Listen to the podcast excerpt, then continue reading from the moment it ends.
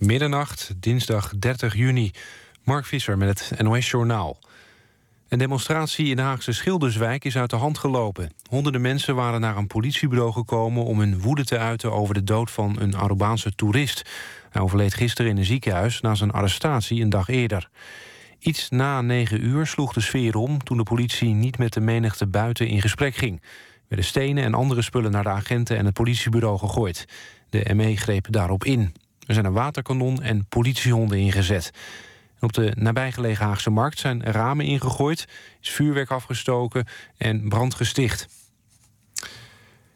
Het overleg van de coalitie met een deel van de oppositie over een nieuw belastingstelsel is mislukt.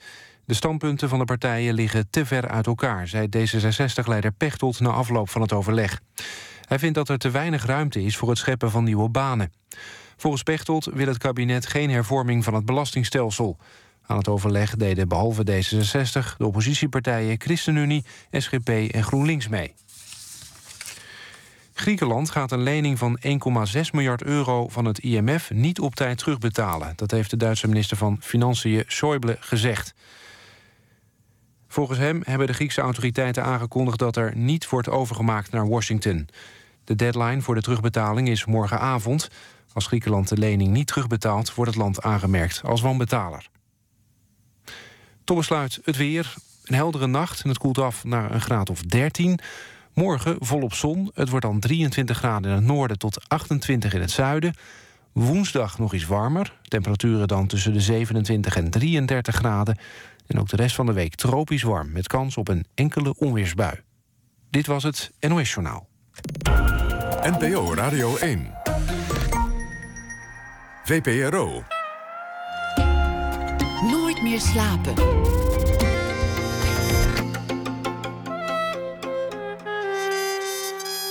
Met Pieter van der Wielen. Goedenacht en welkom bij Nooit meer slapen. Thomas Heerma van Vos is deze week onze huisschrijver. Zal elke dag een verhaal voordragen over de afgelopen dag. Doet hij na één uur. Dan ook een dichter, uh, Hendrik Marsman. 75 jaar na zijn fatale bootreis in 1940. Hij probeerde naar Engeland te komen. Is er meer bekend geworden over zijn laatste minuten. Maar we beginnen met Duncan Stutterheim. Komend weekende voor het laatst zal hij een uh, dancefeest organiseren, Sensation, in de Amsterdam Arena. En daarna moeten anderen het uh, maar van hem overnemen.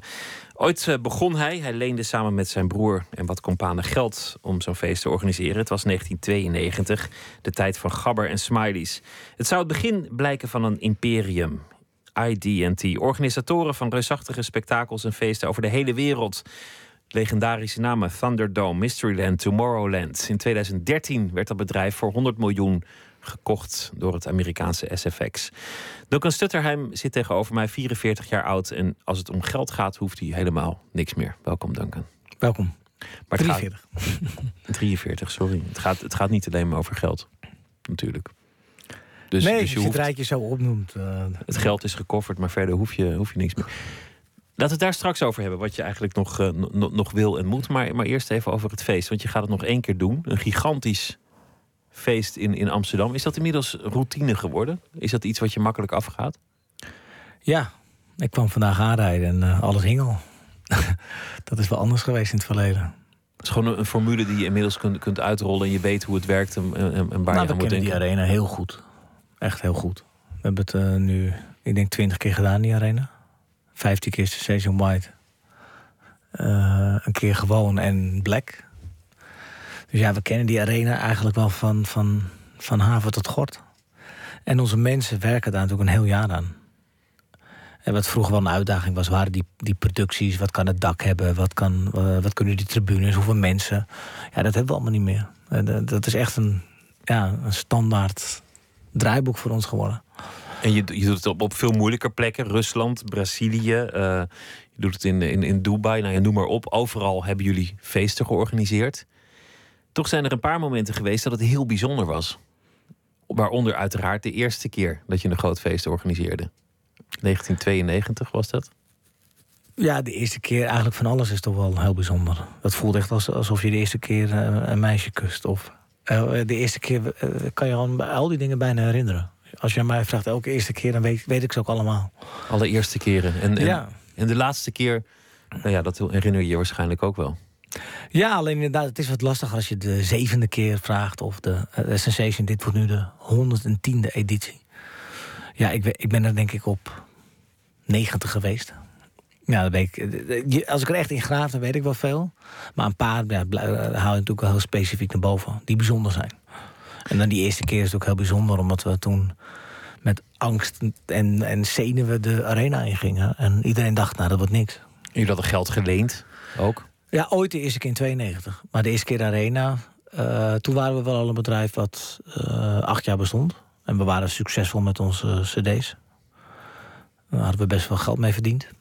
Dus we hadden wel wat vet op de botten, zeg maar. En durfden ook wel risico's te nemen. Dus we durfden ook de arena te doen. Is er nog een ritueel? Is er iets wat je gaat doen komende zaterdag of zondag met, met dit laatste evenement? Nee, de, het belangrijkste is toch dat ik, dat ik met mijn vrouw er naartoe ga. Uh, dat we ons setje al klaar hebben. Dat blijft toch altijd wel een ding, weer dat wit. Uh, ik heb eigenlijk nog nooit elk jaar, hetzelfde aan gehad. Het is wit, maar het is toch weer anders. Uh, elk, elk in de afloop is het niet meer wit. Um, de rijden vind ik altijd heel spannend. En wat ga ik eten of niet met elkaar. En, en, en ja, toch dat moment van binnenkomen is altijd heel spannend. Dat is, dat, dat is toch wel, blijft, dat blijft uniek. Dat, dat went niet. Dat ben, echt, je, ben je dan volledig aan het ontspannen als je daar bent als organisator? Of kijk je toch nog steeds uit je ooghoeken van wat, wat klopt er wel, wat klopt er niet bij de, bij de wc's, bij de bar, bij, uh, bij het licht? Nou, aan die, aan die kant van de, van de logistiek en de achterkant, dat is echt de laatste vijf jaar bijna tot in perfectie is dat gebeurd. Daar hebben we echt bijna niks meer op aan te merken. En uh, helaas is toen een keer misgaan toen met die vechtpartij. Uh, dat, dat heeft echt een impact gehad. Dus de vechtpartij met, met Bader Hari. Ja, dat was ja. echt een grote impact op. Uh, we hadden nog nooit wat gehad. Ik was ook trots om altijd te zeggen: bij voetballen gebeurt dit en bij ons nooit wat. Nou, maar dat kan natuurlijk gebeuren als er duizenden mensen ja, bij elkaar komen. Ja, het was de eerste keer en bij ons. Ja. Uh, meteen ook wel echt een serieus heftig iets. En uh, we zijn gewoon uh, twee weken lang voorpagina nieuws geweest. Dus dat, dat, ging alleen maar daarover. Dus dat had wel een, een hele weerslag op ons. Maar inderdaad, ik maak me meer wel zenuwachtig van uh, wat we bedenken en hoe voelt dat en hoe denken de mensen erover. Dat, dat, is, niet, dat is geen sinecure.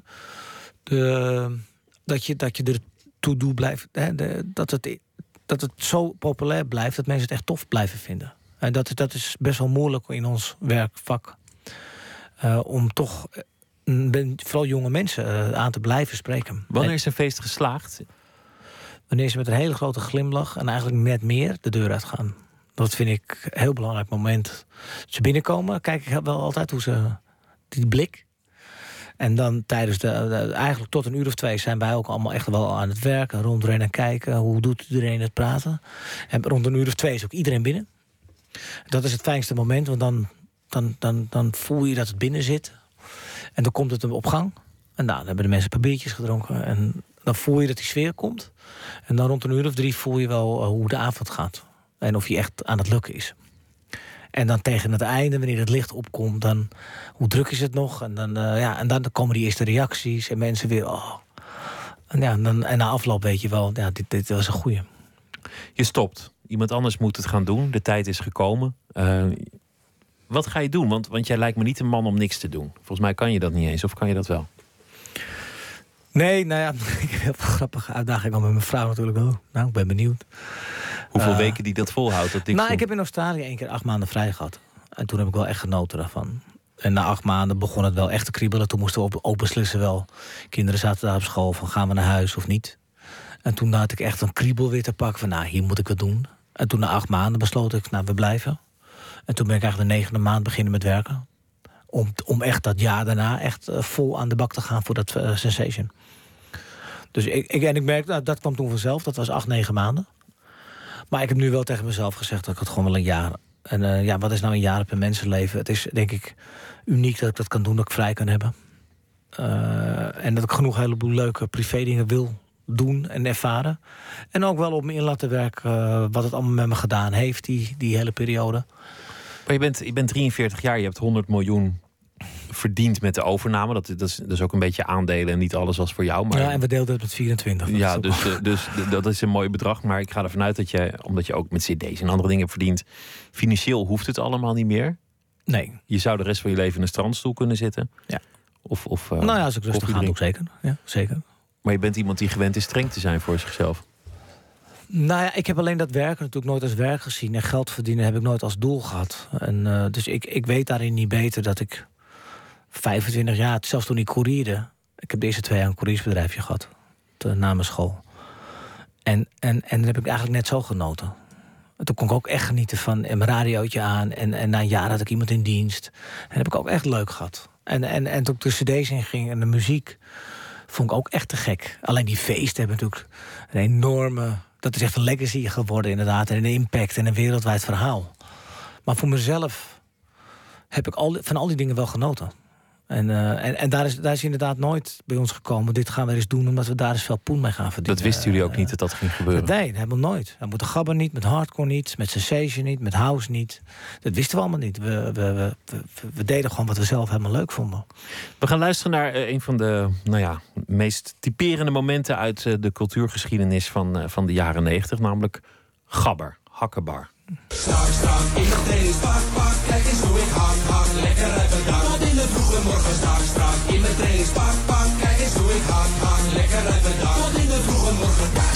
dit, uh, dit, dit, moest even, dat, dat is toch ook... Uh, nee, dit is voor mij natuurlijk geen hardcore, hè, maar ik hoop dat jullie dat begrijpen. Ja, dit kon nog veel harder in die tijd, toch? Nee, dit is natuurlijk totale kul. Dit, dit is gewoon kul, maar het is, wel, het is ook wel het ja, maar dit had niks met ons te maken, hè? Dat heeft niks met jullie nee, te maken. dit was voor ons het begin van het einde. Dit was het begin. Toen werd het massaal, toen werd het... Toen werd het een gimmick. Een gimmick. En toen, toen was ineens de hardcore jongen op straat met zijn kale kop... werd gewoon een beetje uitgelachen. En daarvoor was het nog een hele stoere jongen.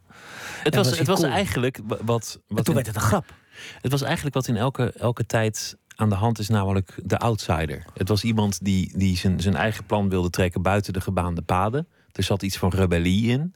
Er zat ook iets in van, van ontsnappen aan, aan, het, aan het gebeuren. Zoals, zoals de nozems dat hadden in de jaren 50 en de hippies in de, in de 60s. Dat is exact bij ons. Alleen dat werd bij ons zo groot. Zo, maar dat wisten we ook allemaal niet. Er was geen internet, we wisten helemaal niet hoe groot het was. En we wisten alleen op een gegeven moment die feesten. Die werden van 5000, 10.000. En op een gegeven moment waren het gewoon 40.000. En op een gegeven moment gingen we met 110 touringcars naar feesten. Dat soort uh, gebeurtenissen allemaal. En, en toen kwam het tikje erop. Toen begon de tv groot te worden in Nederland. En TMF. En toen kregen we een programma. En, en toen begon ineens... En toen kwam ineens die gimmick op. En Gabber Piet kwam op. En, en, en dit, dit plaatje bijvoorbeeld. Dit was, eigenlijk, dit was eigenlijk ook een beetje spot. Ja, maar ze hadden eigenlijk natuurlijk ook wel gelijk van buitenaf. Ik denk iemand die het van buitenaf zag, dacht, wat is dit allemaal voor gekheid? En die begon het uit de sport mee te drijven. Wat ook in Nederland vind ik een heel sterk gegeven is. Hè? De sportdrijven met iets wat heel populair is. En ik denk dat cabaretiers dat altijd heel goed doen. Dat, wij werden daar natuurlijk ook onderdeel van. Van, van de sportdrijven met, ja, denk je nou echt dat jullie het allemaal zo cool maar, zijn? Maar toch vind ik het bijzonder, want je, je, je was feitelijk wat je zou noemen een drop-out. Je, niet, niet doorgegaan met je school, geen diploma. Samen met je broer, jullie deinsten nergens voor terug. Om, om gewoon geld te lenen en te zeggen: wij gaan zo'n feest organiseren, we gaan het gewoon doen dat is moedig. Ik, ik weet niet of ik die moed had toen ik zo jong was. Ik denk heel veel mensen niet. Nou, maar het eerste feest was ook heel, heel behapbaar. Het eerste feest was... Uh, we hebben uiteindelijk volgens mij 100.000 gulden over drie families geleend. En dat, dat, dat is wel een overzichtelijk... Dat voelden wij wel een overzichtelijk bedrag. Maar je was... Even, even kijken hoor. Ik was, 21, ik was 21. 100.000 gulden voor, Gedeeld door drie. Dus zeggen we, zeggen we 40.000 gulden volgens mij per familie. Als je 21 bent is dat best wel veel geld, toch? Nou ja, ik had twee jaar een couriersbedrijf en ik had ook drie auto's rijden. Er stond ook voor 100.000 gulden aan auto's eh, bij mij toen al. Uh, op, de, op, op, de, op het wagenparkje. Wat ik wel ook half kon lenen bij de bank. En half... Dus voor mij waren die bedragen wel... Eh, ik had het tot niet, anders zou ik het niet hoeven lenen. Maar mijn vader vond het destijds kennelijk de moeite waard om het te doen. Maar het mooie was ook wel, we hebben het geleend in de periode ook dat we autokaarten aan het verkopen waren. Dat ging, en het ging echt steeds beter. Dus het was ook niet dat we geld kwamen lenen. Want in het begin hoefden we geen geld alleen, maar het feest werd groter. En op een gegeven moment moesten we dingen vooruit betalen. En toen konden we het niet meer betalen. En omdat we die kaarten verkochten, was het ook niet een, heel risico of zo. We hebben daarna nog veel grotere risico's genomen in ons leven. Dat was pas echt bravoer, maar in die eerste, dat eerste feest niet. Jouw vader is heel belangrijk geweest. Hij was zelf ondernemer. Hij heeft ook altijd gestimuleerd dat je ging ondernemen. Ik vind het ook toch een bijzonder moment dat, dat die familie zeggen... Uh, we hebben vertrouwen in jullie, hier is dat geld ga dit maar doen. Hoe, hoeveel vaders zouden niet zeggen: jongen, hou je niks in je hoofd. Je housemuziek, ga, ga, eens iets, ga iets anders doen. Nou ja, hij heeft natuurlijk wel zijn bedenkingen gehad bij die muziek. En, maar ik denk bij dat plan en dat het goed ging en de voorverkoop. En we waren er heel serieus mee bezig. Dat, dat die, ja. En de eerste feest hebben we ook toen meteen terug kunnen betalen. Het is daarna nog veel serieuzer uh, misgegaan. En uh, we hebben uh, ooit een radiostation opgezet. Slam FM. En daar hebben we echt miljoenen verloren. Eigenlijk al ons spaargeld hebben we het, verloren. En toen moest ik, toen moest ik ook aankloppen bij hem. En toen heeft hij dat weer geleend. Ja, dat, dat is wel heel bijzonder. Want dat was in de tijd dat we helemaal niet zeker wisten of we konden overleven. En toen heeft hij wel ons gered.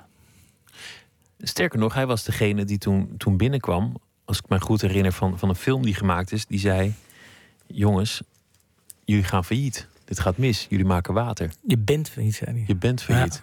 Toen ben ik. Uh, ik heb niet vaak gehuild om mijn werk. Maar toen moest ik even wel de kamer uitlopen. Dat was echt een. Je zat toen midden in die wedstrijd en je wilde echt ervoor gaan. Maar je voelde ook dat het ergens niet meer ging. En, en we moesten het ene gat met het andere vullen. En toen, ja, hij, hij was heel sterk in om kom maar op met al die papieren dan. Laat eens even lezen. Laat, hoeveel is dit? Hoeveel is dat? Hoeveel is dit? En, hij maakte een ervaren ondernemer tenslotte. Ja, een hele, nou, mijn vader is een hele goede manager geweest. Uh, die heeft CMG in de tijd... Nou, hij is begonnen toen er 30 mensen werkten. Geëindigd toen er 30.000 werkten.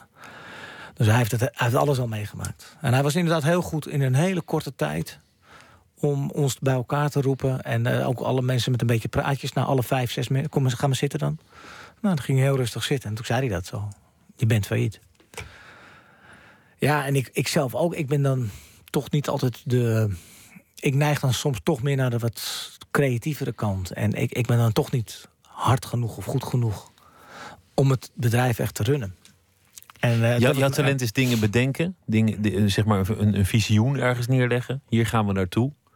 Maar, maar het, het, dagelijks leiding geven als het er eenmaal ligt, dat is niet jouw sterkste punt. Nee. Nou, en er naartoe brengen, ben ik, die energie om dat er naartoe te gaan, daar, daar ben ik wel goed in. Maar kennelijk met die radio lukte het dus net niet. En toen werd het voor mij ineens ook wel. Toen werd het ineens anders soort management natuurlijk. Dan moesten we ook ineens impopulaire maatregelen. Ging het niet meer over mooie dingen bedenken. We moesten gewoon op een gegeven moment. Moet je saneren, mensen, mensen ja, ontslaan. ontslaan. En ja. ook de realiteit onder ogen zien. En van hier sta je nu. En als je zo doorgaat, dan duurt het nog een maand. En hij was gewoon zo reëel. Uh, ja, even gehuild. Maar hij had ook wel de kracht om te zeggen: Oké, jongens, even allemaal bijgekomen. Kon hij ook binnen 10 minuten wel weer zeggen: Oké, hoe gaan we het. Waar, waar staan we dan echt en hoe gaan we het oplossen? Hoe heeft dat jou veranderd? Want dit, ik bedoel, je werkt onvoorstelbaar lange uren. Het, het, is, ik bedoel, het, is, het is meer dan je bedrijf. Het is ook uh, iets wat je met je broer bent begonnen. Het is iets, iets waar ook een zeker element van een droom in zit. En dat, dat gaat op dat moment kapot. Het is uiteindelijk goed gekomen, maar hoe heeft het jou veranderd? Nou, het heeft mij uh, groot veranderd in de zin dat ik tot dat moment wel een vrij totalitaire en autoritaire man was. En ik nam de beslissingen, ik was de grote eigenaar. Veel dingen tot dat moment waren allemaal goed gegaan.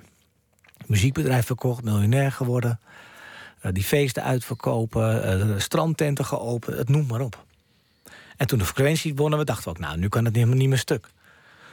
En niet realiserende eigenlijk waar we eigenlijk niet echt goed gerealiseerd waar we instapten. En we, en we zijn een mediabedrijf begonnen in een wereld die, die al tig jaar bestaat tegen grote concurrenten. Hadden we nooit over nagedacht. Maar je ging terug naar een soort, soort basis. Iets waar het ooit om begonnen was. Toen jullie die feesten gingen, gingen organiseren. Wat is die basis? Voor ons was dat op dat moment muziek. Muziek was voor ons het allerbelangrijkst. En wij hadden een klein kabelstationnetje gekocht omdat we het ook echt leuk vonden. En dat, dat was twee man en dat, kostte niet zoveel geld. En toen die frequentieverdeling kwam, dachten we... Nou, dat lijkt ons toch te gek om die muziek die eter in te gooien. En miljoenen mensen luisteren daar toch naar. En er hebben ook uiteindelijk wel een miljoen mensen geluisterd per week. Wat heel veel was. Maar het resulteerde in een marktaandeel van max 1,7 procent. Ja, daar kon je, daar kon je, daar kon je dus, wisten wij allemaal, niet. Dus schoorsteen niet van laten roken. En, en dat is wel echt naïef, achteraf. We hebben het wel gewoon geprobeerd. Maar eigenlijk was die beslissing veel te groot voor mij om dat te nemen. En, en daarmee heb ik het hele bedrijf toen bijna uh, verspeeld echt. Echt, echt naar, de, naar, de, naar de haaien zien gaan? Bijna wel. Je begon met je broer. jouw broer is in 2000 overleden bij een auto-ongeluk. Heel erg jong. Daarvoor waren jullie onafscheidelijk. Het was, wat ik heb begrepen, is Duncan daar, dan komt Miles eraan. Is Miles daar, dan komt Duncan eraan. Jullie deden alles samen. Feesten, vakantie gaan, eh, het bedrijf beginnen. Is hij nog steeds bij jou in, in, in alles wat je doet? Is, is dat iets waar je elke dag aan denkt? Nee, maar, maar het heeft mij wel al daarna in heel veel... Die radio heeft toen veel betekend voor mij. En Miles, dat zijn twee hele grote momenten. Ehm, en na Miles heb ik natuurlijk wel een tijdje alleen gevoeld. En echt alleen. En, en ook met die radio dat misging. Toen heb ik wel dusdanig dingen veranderd... dat ik anders in het leven ben gaan staan. Ook met mijn werk. En toen ben ik echt het bedrijf deel gaan verkopen aan andere partners. Samen gegaan met een zusterbedrijf. Waardoor ik niet meer de grote man alleen was. Maar wel meer het gezicht werd. En, en, en, en inspirator en, en visionair. Maar wel degelijk de beslissingen moest delen. Um, ja, dat, dat heeft mij wel als mens veel, veel verder gebracht. Want ik kreeg daardoor ook meer tijd. Ik kreeg ook meer vrij. Ik, was, ik voelde ook niet meer die druk alleen maar in mijn eentje. Dat vond ik eigenlijk achteraf heel prettig. Maar je zegt, ik ben anders in het leven gaan staan.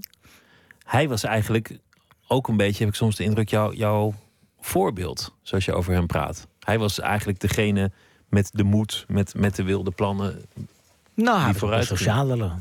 Hij was de. Ik heb, ja, er zijn wel eens opmerkingen geweest. Goh, dat hij het nou moest zijn. Uh, weet je, ik was wel wat norser. Ik was er wat, uh, wat zakelijker, wat serieuzer. En Miles was de, wat vrolijker, wat opener en veel socialer. Uh, iedereen vond hem de, de, de, de, echte getapte peer. Niet, maar over mij kon je ook wel zeggen: ik ben wat meer gesloten. Wat gereserveerder? Gereserveerd, ja, ik ben, zo ben ik wat meer. En, de, dus ja, Miles was veel voor iedereen, iedereen's vriend. Iedereen mocht hem ook. Dus daarin was hij veel, een wat vrijer persoon. Je hebt vrij kort nadat dat het gebeurd was, aan het eind van, van, van een van de hele grote feesten, iets tegen het publiek over hem gezegd.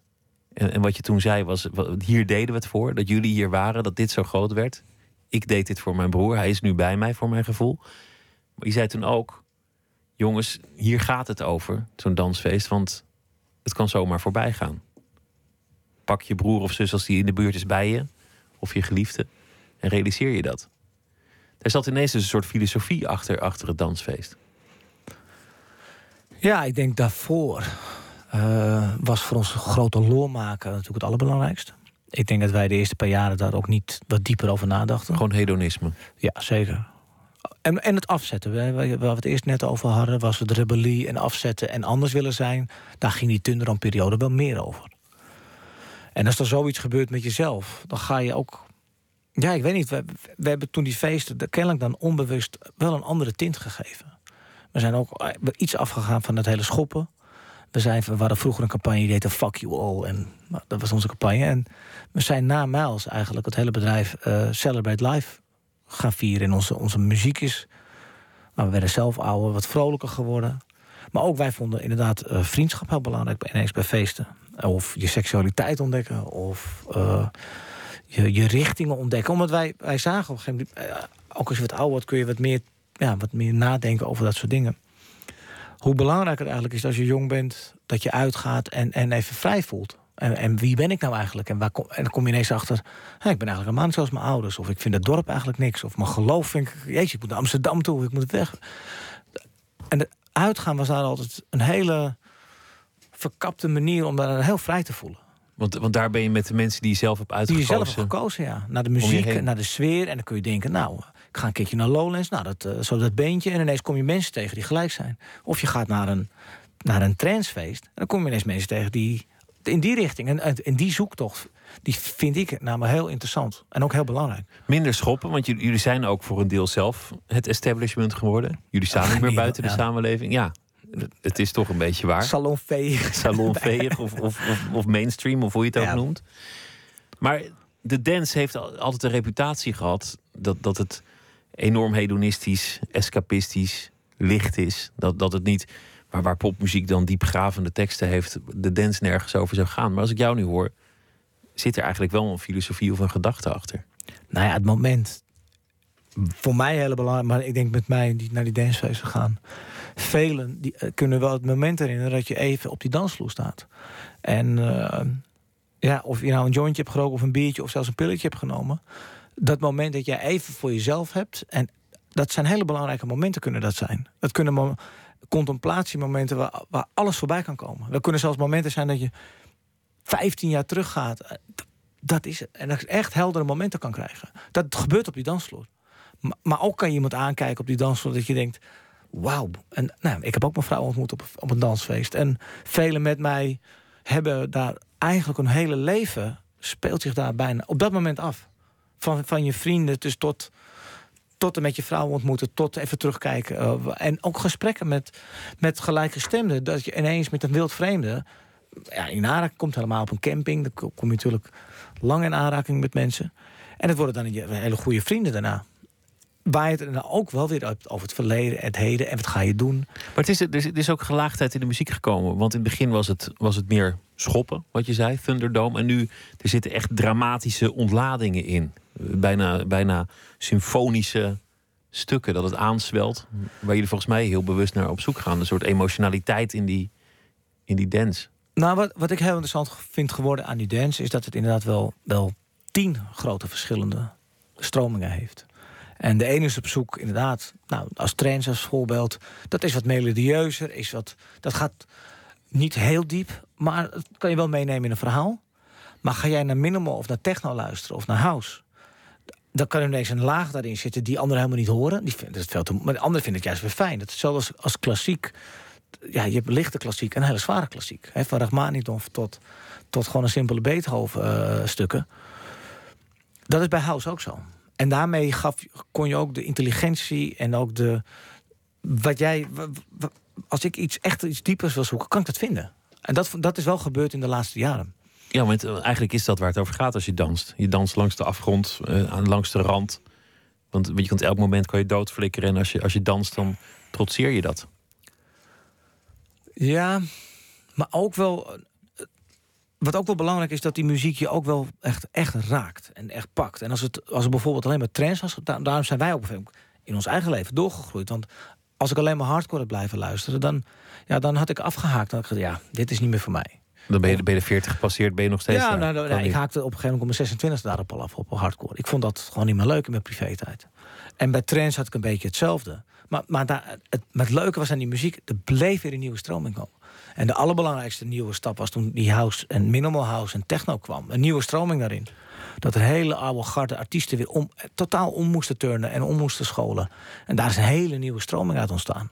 En nu zie je weer een stroming van deep house ontstaan. En, zo, zo, eigenlijk is dat net zoals jazz gebeurt. Het, het blijft maar ontwikkelen, ontwikkelen. En door de techniek en de muziek. En de... Het is in beweging. We gaan luisteren naar uh, iets wat, niet echt uh, house is, maar wat meer uh, popmuziek. Van Roosevelt uit Keulen. Een nummer dat de titel draagt Hold On.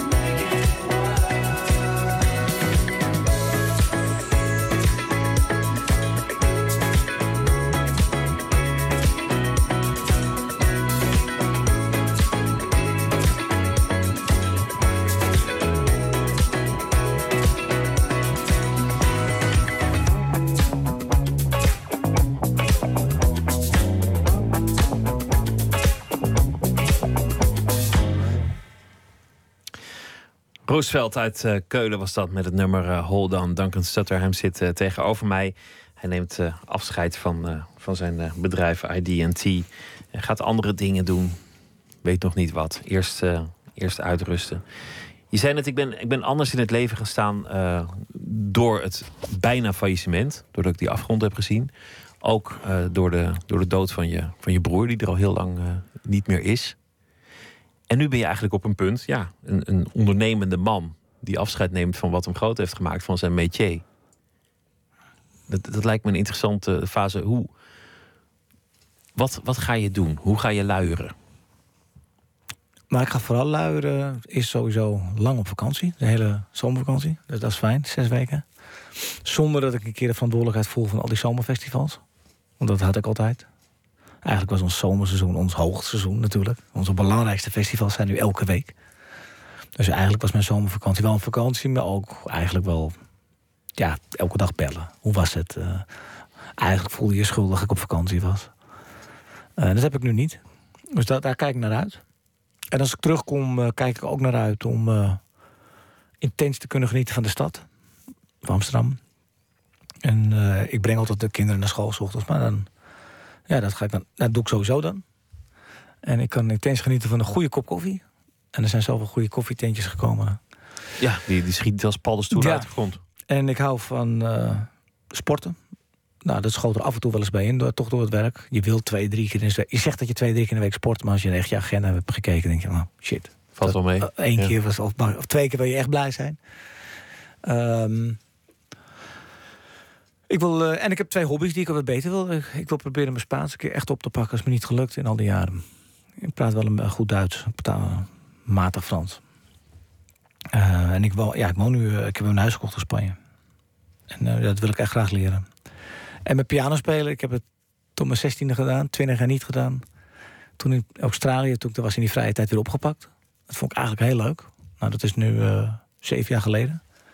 En nu zit ik eigenlijk wel al zeven jaar op hetzelfde niveau. Dus ik merk gewoon dat bepaalde stukken kom ik gewoon niet doorheen. Allemaal, allemaal eigenlijk dingen waarin je jezelf wil verbeteren.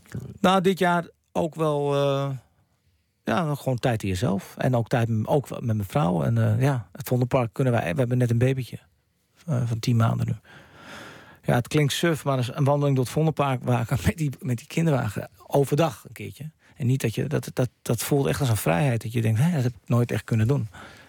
Dus dat zijn wel de, de komende tijd de dingen. Het klinkt soms leeg of zo. Maar ik nou, heb wel echt dat weet ik eigenlijk niet. Ik bedoel, voor, voor heel veel mensen zijn dit volgens mij de, de, belangrijke dingen in het leven. De meest belangrijke dingen die er zijn. Ja, dat is bij mij niet zo geweest. Dus ik hoop dat ik dat. Uh, ja, ik hoop echt dat ik dat uh, zo ga ervaren ook.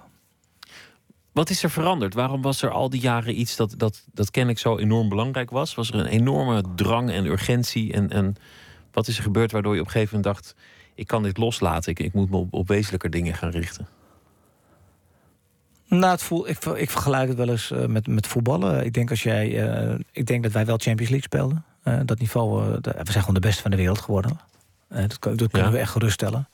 Onze festivals en feesten zijn echt de beste. die overname is ook gewoon de grootste overname ooit in deze industrie op ons vakgebied. Tot nu toe? Ja, maar het gaat hierna niet meer gebeuren. Nee? Nee, want dat, dat, die zijn er niet meer. Dus dat, dat, is een, nou, dat, dat realiseren we ons ook. Dus en als ik dan terugkijk, ja, ik stond wel op dat veld met een aanvoerdersband aan. Dat team op sleeptouw met z'n allen. Dus ja, ik heb daar natuurlijk veel ambitie en dromen die je had. En, en, en we hadden een droom op Sensation die wereld te veroveren. Ja, dat gaat niet vanzelf. De wereld veroveren is echt andere koek dan in Nederland succesvol zijn. Je hebt iets legendarisch gemaakt. Je, hebt, je, hebt het, je kunt zeggen, ik heb dit gedaan. Ik, ik, ik was de grootste. Of dit bedrijf, dat, dat is nu... Dat staat. Dat heeft mij niet meer nodig. Je hebt, je hebt natuurlijk het geld verdiend, ook al was het je daar niet om te doen. Wat heeft het je verder gebracht? Al die, al die jaren, al die, al die uren, al dat werk, al dat reizen. We hebben ongelooflijk veel gelachen. Ja? Ja, dat, echt heel veel. Dat, dat, dat staat wel echt heel hoog bij mij. En dat ik het samen met mijn vrouw heb kunnen doen. Met mijn beste vrienden heb kunnen doen. Dat is, dat is echt uniek. En op een gegeven moment dat je gewoon ja, de, de, verhalen zijn legio. Hoeveel we gewoon gelachen hebben en lol hebben gehad. En dingen die gelukt zijn. En ja, ook die niet gelukt zijn. Maar ook uiteindelijk lukte het dus wel. En dat vechten daarvoor. En dat het succesvol is. En dat je dan... Ja, het is een uniek gevoel als je in één keer jezelf op het journaal van Brazilië ziet met je team. En, en, en, en, dan ineens in Australië en dan in Chili. En dan, denk je, jeetje. Maar dat was voor jou het belangrijk. Het moest een clubje blijven. Er zijn momenten geweest dat het ging groeien. En dan was jij eigenlijk degene die, die, die zei van nee, het, het, het moet niet te groot worden. Het moet hier niet uh, te deftig en te rijk worden. Je zei ergens in, in, een, in een documentaire geen... Uh, geen laptops, geen briefpapier. Ja, dat was die radiotijd, dus toen moesten we wel. Maar uh, je, je zei, uiteindelijk zat er ook iets anders achter. Namelijk, wij moeten gewoon een klein clubje zijn dat de wereld verovert. Ik wil niet dat het een echt bedrijf wordt met een, met een, met een raad van commissarissen en een, en een secretaresse. En nee, een, nou, dat is natuurlijk nu wel geworden. Tuurlijk. Alleen soms, dat groeien kun je soms ook niet tegenhouden. Maar het ging jou om, om het met een clubje te doen, om, om het met je dierbaren Ik voelde me doen. daar heel, heel prettig bij en heel vertrouwd bij. En we realiseerden ons ook wel acht jaar geleden dat we beter moesten worden. We red, dat we het niet meer gingen redden met onze... We hadden toen op een gegeven moment 14 vrienden en partners. IDT had zeven vrienden en QDance ons zusterbedrijf. Maar toen realiseerden we ook, met, met deze vrienden gaan we de wereld niet veroveren. Dus we hebben echt betere mensen nodig. En toen zijn we op zoek gegaan nog naar tien mensen. Een goede financiële man, een goede commerciële man, een goede operationele... Zo zijn we dat team aan gaan vullen van Vrienden Plus. En dat zijn wel geen vrienden geworden, maar wel hele klo We hebben ook veel gelachen, ook met hun. Het waren goede collega's. Maar dat was wel het dus de volgende stap al naar, naar dat groeien. Ja, dan, dan merk je al dat de eerste vrienden plaats moeten maken op sommige plekken voor, voor andere mensen. En het wordt natuurlijk ook gewoon een bedrijf. Want jullie hebben, jullie hebben internationaal dingen gedaan. Dat was een vorm van uitbreiden. Je hebt zelf ook uh, een paar panden in Amsterdam waar je dingen doet. Onder andere het oude Shell-gebouw ben je bij uh, betrokken. Je, je, doet iets aan, aan opleidingen in de, de dance. Dat is ook nog een ambitie. Horeca ben je ook nog mee bezig uh, geweest. Dus, dus op een zeker ogenblik is het feitelijk ook niet meer aan de hand dat het een vriendenclubje is. Nee, alleen de harde kern was nog wel zo. Ja. Uh, maar inderdaad, eromheen, in, die, in een managementteam niet meer, nee. Dat, dat, en helemaal toen de laatste stap kwam om, om toen de, met de verkoop van het bedrijf, dat was natuurlijk. Toen vond ik het ook niet eerlijk meer. Als je je bedrijf verkoopt, dan vind ik ook dat als iemand dan morgen solliciteert, dan moet hij net zo'n kans krijgen als. Dan moet het niet de vriendschap zijn, maar gewoon de kwaliteit. Dan, dan kun je niet zeggen het oude clubje en, nee, en de familie. Niet ook verkocht. Dat vond ik gewoon niet meer. Dat kon ik wel zeggen als, als toen wij de eigenaar waren.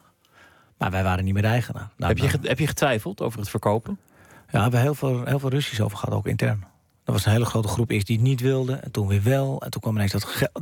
Toen begon dat geld ineens een wolkte boven de alles. Is natuurlijk ook wel een, een, bedrag dat, dat de dingen verandert. Ja, krankzinnig bedrag. Ja, wat, wat voor alle 24 zijn gewoon uh, hebben minstens een miljoen of meer.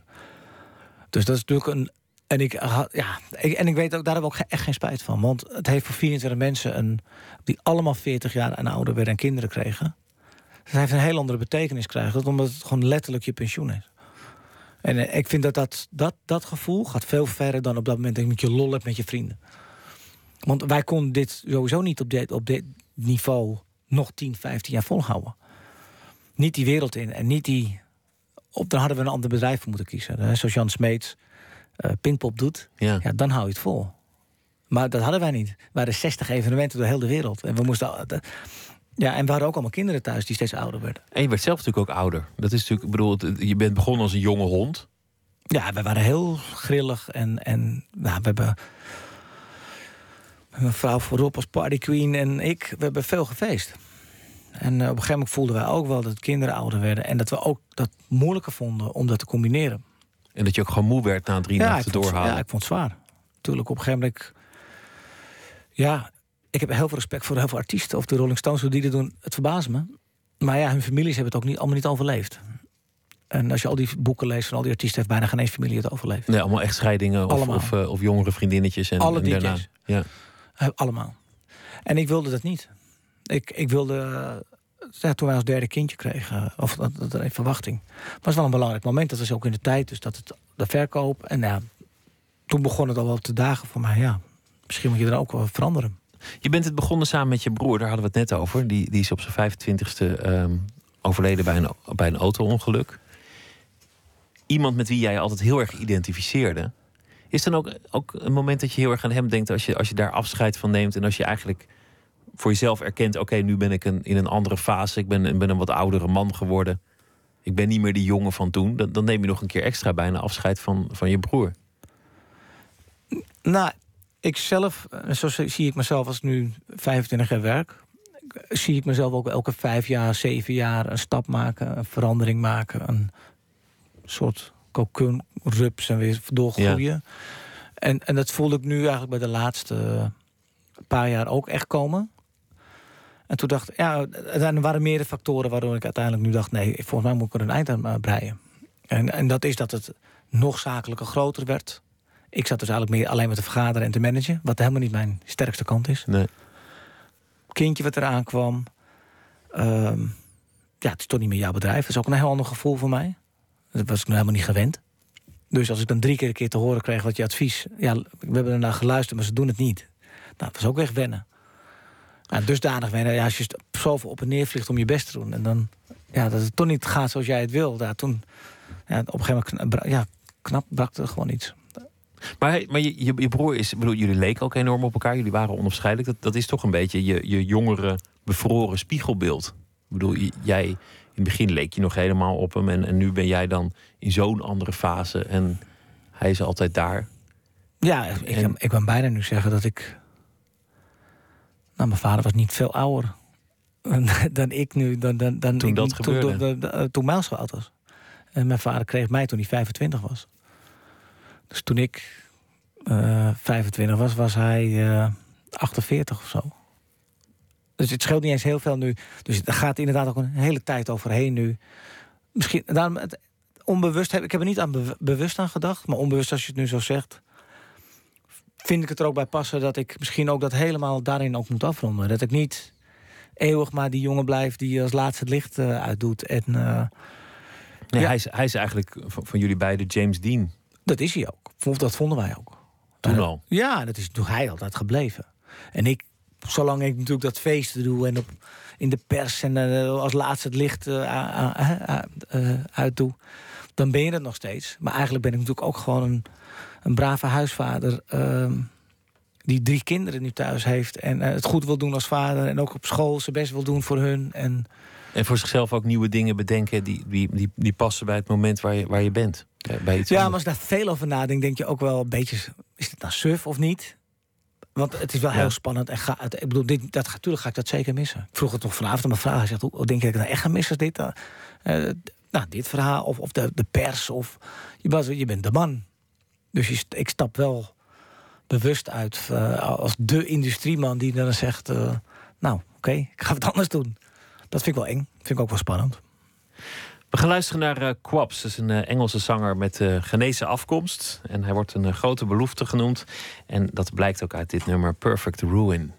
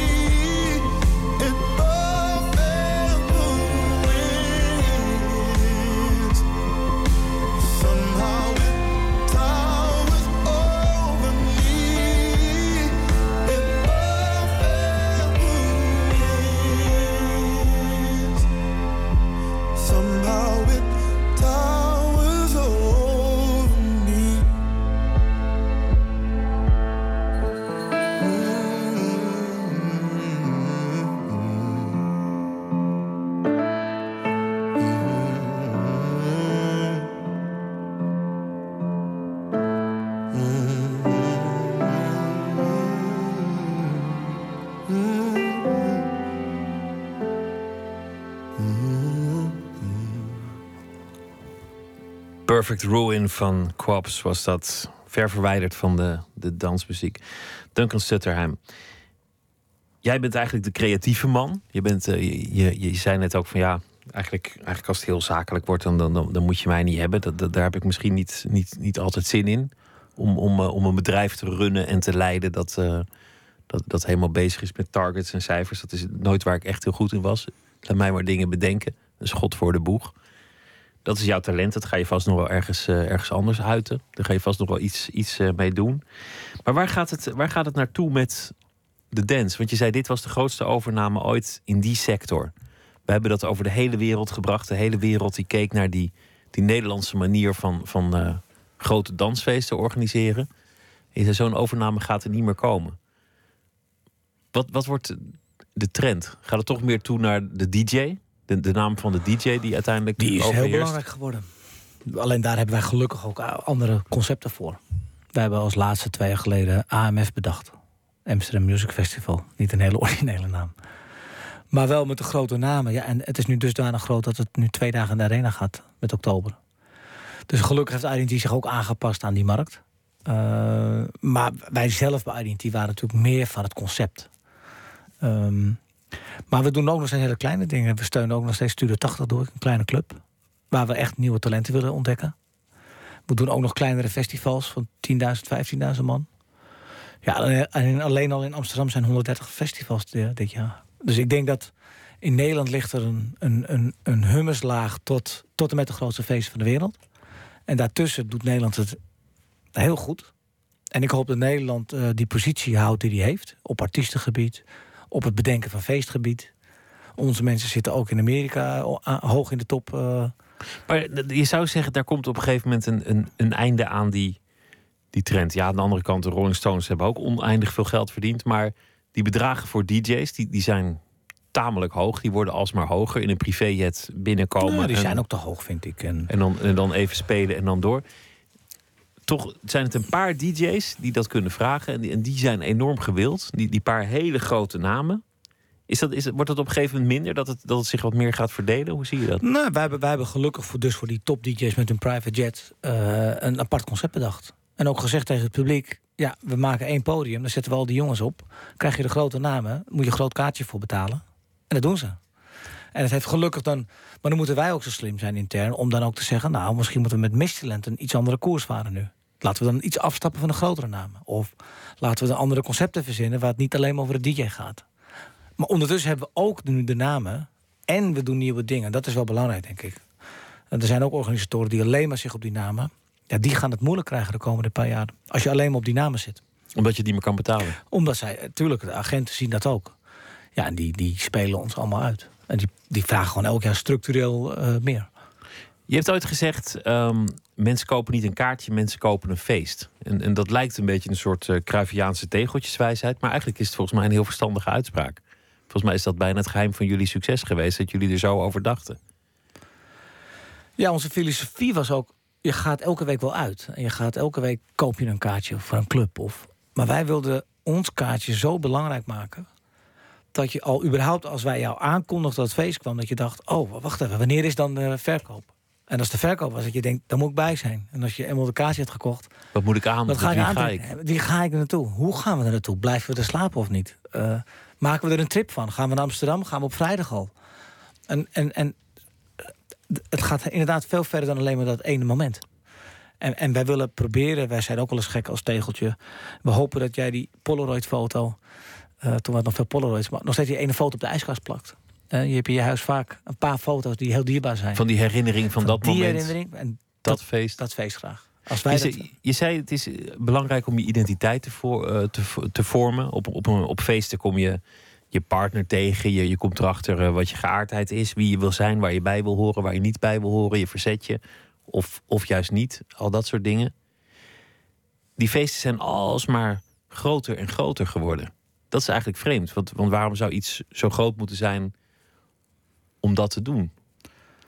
Waar- waarom we is die ook- massaliteit zo, zo belangrijk? Ehm, nee, er zijn ook wel feesten. Eh, we doen ook feesten voor 10.000. Dat klinkt dan eh, ook heel klein, veel. Ja. Maar 10.000 inderdaad is een kleiner festival. Dan voel je ook wel dat het kleiner is.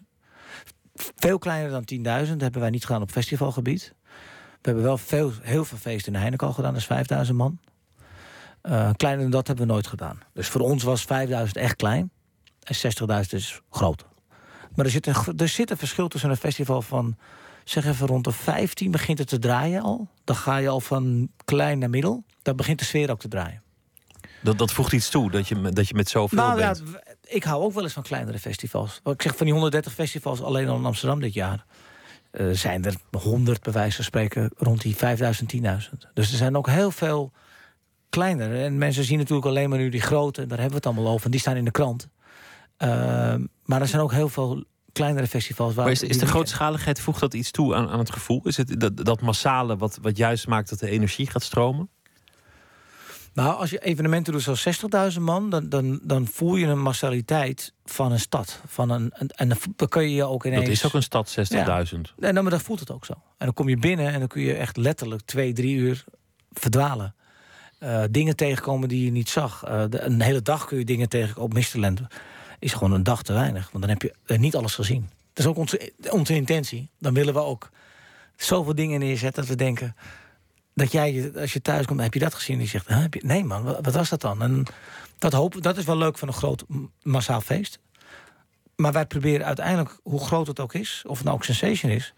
Het, van, het, je ziet alleen maar foto's en beelden van grote dingen. Maar als je de dansvloer oploopt, is het helemaal niet massaal. Dan is ineens jouw werkelijkheid een, een groep van 15 mensen om jou heen die je danst. En dan kijk je om je heen en dan zie je 15 mensen. Dat is dan op dat moment jouw intieme werkelijkheid. Dus wij hebben ook heel vaak gezegd... het lijkt massaal, maar het is best wel intiem. Omdat je toch Omdat kijkt je met, naar, ja, en of ik ga met z'n tweeën, loop ik de dansvloer op. En dan, dan heb ik, of ik, ik heel vaak ook, ook, met een vriend of met een vriendin, eh, of met, mijn vrouw, eh, struin ik even op een festival. Maar hebben wij met z'n tweeën de grootste rol op dat moment. En, en even dit of even kijken. Dan zijn wij met z'n tweeën heel intiem binnen de massaliteit van het feest. En dat gebeurt heel veel. Of een groepje van tien die zegt, we gaan rechts bij de speaker staan. Dat is een beetje onze plek vandaag. En dan de hele dag gaan mensen links, rechts, doen ze hun dingen. Maar hun intimiteit kunnen ze wel vinden bij dat plekje. Het is eigenlijk een stad met een, Ja. met een buurt en, en een straat en dat soort dingen. Maar sommige mensen denken inderdaad ach, van buiten. Jeetje, dat is, wel, dat is heel massaal, ga ik niet heen. En, maar onze kunst is ook om het niet... Je moet niet in de rij komen te staan dat, dat je in de file komt te staan. Dat gebeurt ook wel eens. Dat is funest. Als mensen op een brug vastkomen bijvoorbeeld omdat het te druk was. Dan ineens wordt het niet meer leuk. Dan denken mensen, huh? Maar als het allemaal lekker loopt en struimt en eh, rond... Dan, is, dan, is, dan ineens kan het heel fijn voelen. Wat ga je herinneren van, van al die herinneringen, al die feesten over de hele wereld, van al die, al die momenten die, die er zijn geweest? Heb je al enig idee wat, wat, wat later de. Je zei sommige feesten ben ik gewoon vergeten. Nummer 1 weet ik, de laatste zal ik weten, nummer 7, dat weet ik eigenlijk al niet meer. Zijn er momenten, is, er, een moment dat je binnenschiet van ja, dat was voor mij een hoogtepunt? Mijn absolute hoogtepunt was eh, eh, Australië voor mezelf. Dat ik acht maanden niks gedaan had en gewerkt. En ik uit die rottijd kwam van Slam. En toen besloot, we gaan wat doen. En dat het toen gelukt is. Dat we toen het grootste sensation ooit hebben neergezet. 44.000 mensen. Uitverkocht. En dat we al onze vrienden waren, er echt 30 stuks of zo, uit nee, helemaal Australië gekomen.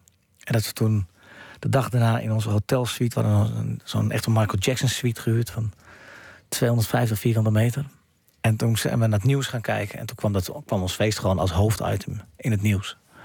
Nou, toen hebben we echt, daar kreeg ik echt aan juichen. Van, dat was best wel een doorbraak. Dat was ook een comeback eigenlijk. Voor mijzelf, maar ook voor Sensation die toen uit Europa ging. Het was de eerste keer dat we echt de wereld in gingen. En vlak daarna deden we Chili. Dus toen ineens was het niet alleen een Europees ding... waar we Polen en Duitsland en België hadden gedaan. Maar toen ineens was het ook ineens Australië, Chili. En toen Chili kwam, daarna kwam Brazilië. En toen begon die hele wereldbal te rollen. Dat, dat vond ik wel echt een. Uh... En altijd weer met, met de vrienden, altijd weer met de club.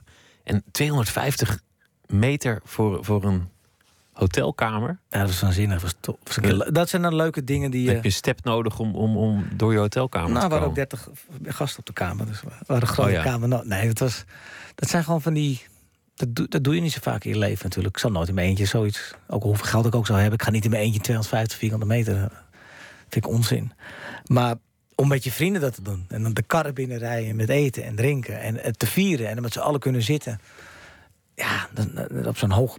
Ik weet nog, ja, zit je op 20 hoog in zo'n hotel. En dan, nou, fantastisch. Dat zijn wel... Ja, waar we alles konden combineren. Van vriendschap, lol, succes, ambitie. En dat het allemaal samenkwam. En het ook vieren. Ik wens je heel veel succes. Uh, nog één keer aanstaande zaterdag in de, in de arena. Met het, uh, met het feest. En daarna met alles wat je daarna gaat doen. Ik ben benieuwd hoe lang je het... Uh, rustig houdt en hoe snel het weer zover is dat je, dat je nou ja, 60 uur, 80 uur, 90 uur je inzet. Dankjewel, Duncan Stutter. Dankjewel. We gaan zo meteen uh, verder met Nooit meer slapen. Onder andere een verhaal van Thomas Heerma van Vos. En we gaan het hebben over Katie Coty. De Surinaamse kunst hebben aandacht voor aan de vooravond van deze herdenking. Twitter, het VPRO NMS of via de mail nooit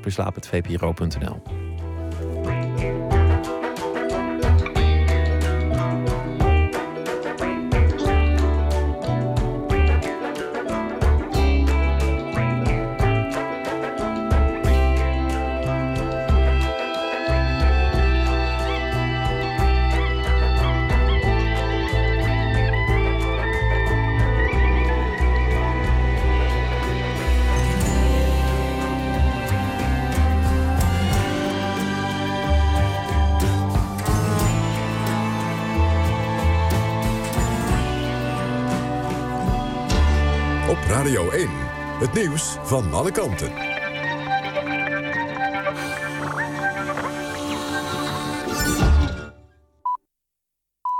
1 uur, Mark Visser met het NOS-journaal. Een demonstratie in de Haagse Schilderswijk is uit de hand gelopen. Honderden mensen waren naar een politiebureau gekomen... om hun woede te uiten over de dood van een Arubaanse toerist. Hij overleed gisteren in een ziekenhuis na zijn arrestatie een dag eerder. De stemming sloeg om toen de politie niet met de menigte buiten in gesprek wilde gaan. Er worden stenen, vuurwerk en andere spullen naar de agenten en het politiebureau gegooid. En ook is een bouwketen in brand gestoken. De ME heeft onder meer een waterkanon ingezet. De Haagse burgemeester Van Aartsen zegt dat hij de boosheid en frustratie begrijpt... maar keurt het geweld af. Volgens Omroep West wil de burgemeester verder onderzoek afwachten... voor hij conclusies trekt. Jemenitische rebellen hebben een skutraket afgevuurd op Saoedi-Arabië. Volgens een persbureau in Jemen was de aanval gericht op een Saoedische raketbasis in de provincie Riyadh. Het zou de tweede raketaanval vanuit Jemen op Saoedi-Arabië zijn sinds het begin van de Saoedische luchtaanvallen op Jemen. Eerder vandaag vielen er tientallen gewonden toen een autobom explodeerde bij een militair ziekenhuis in de Jemenitische hoofdstad Sanaa. Volgens een woordvoerder van de rebellen was de aanslag gericht tegen leiders van de Houthis. Bij de burgeroorlog in Jemen zijn volgens de VN tot nu toe zo'n 5000 mensen om het leven gekomen. Michael van Praag zal zich niet opnieuw kandidaat stellen voor het FIFA-voorzitterschap. In NOS Langs de Lijn zei hij dat hij de belangrijkste positie in de voetballerij aan anderen overlaat. Van Praag werd gisteren tijdens een vergadering van de Europese voetbalbond UEFA benoemd tot vicevoorzitter. Van Praag is al sinds 2009 bestuurslid bij de Europese voetbalbond. Het weer, heldere nacht. Het koelt af naar een graad of 13. Overdag volop zon. En het wordt dan 23 graden in het noorden tot 28 in het zuiden. En woensdag nog iets warmer, met temperaturen tussen de 27 en 33 graden. Dit was het NOS Journaal. NPO Radio 1. VPRO.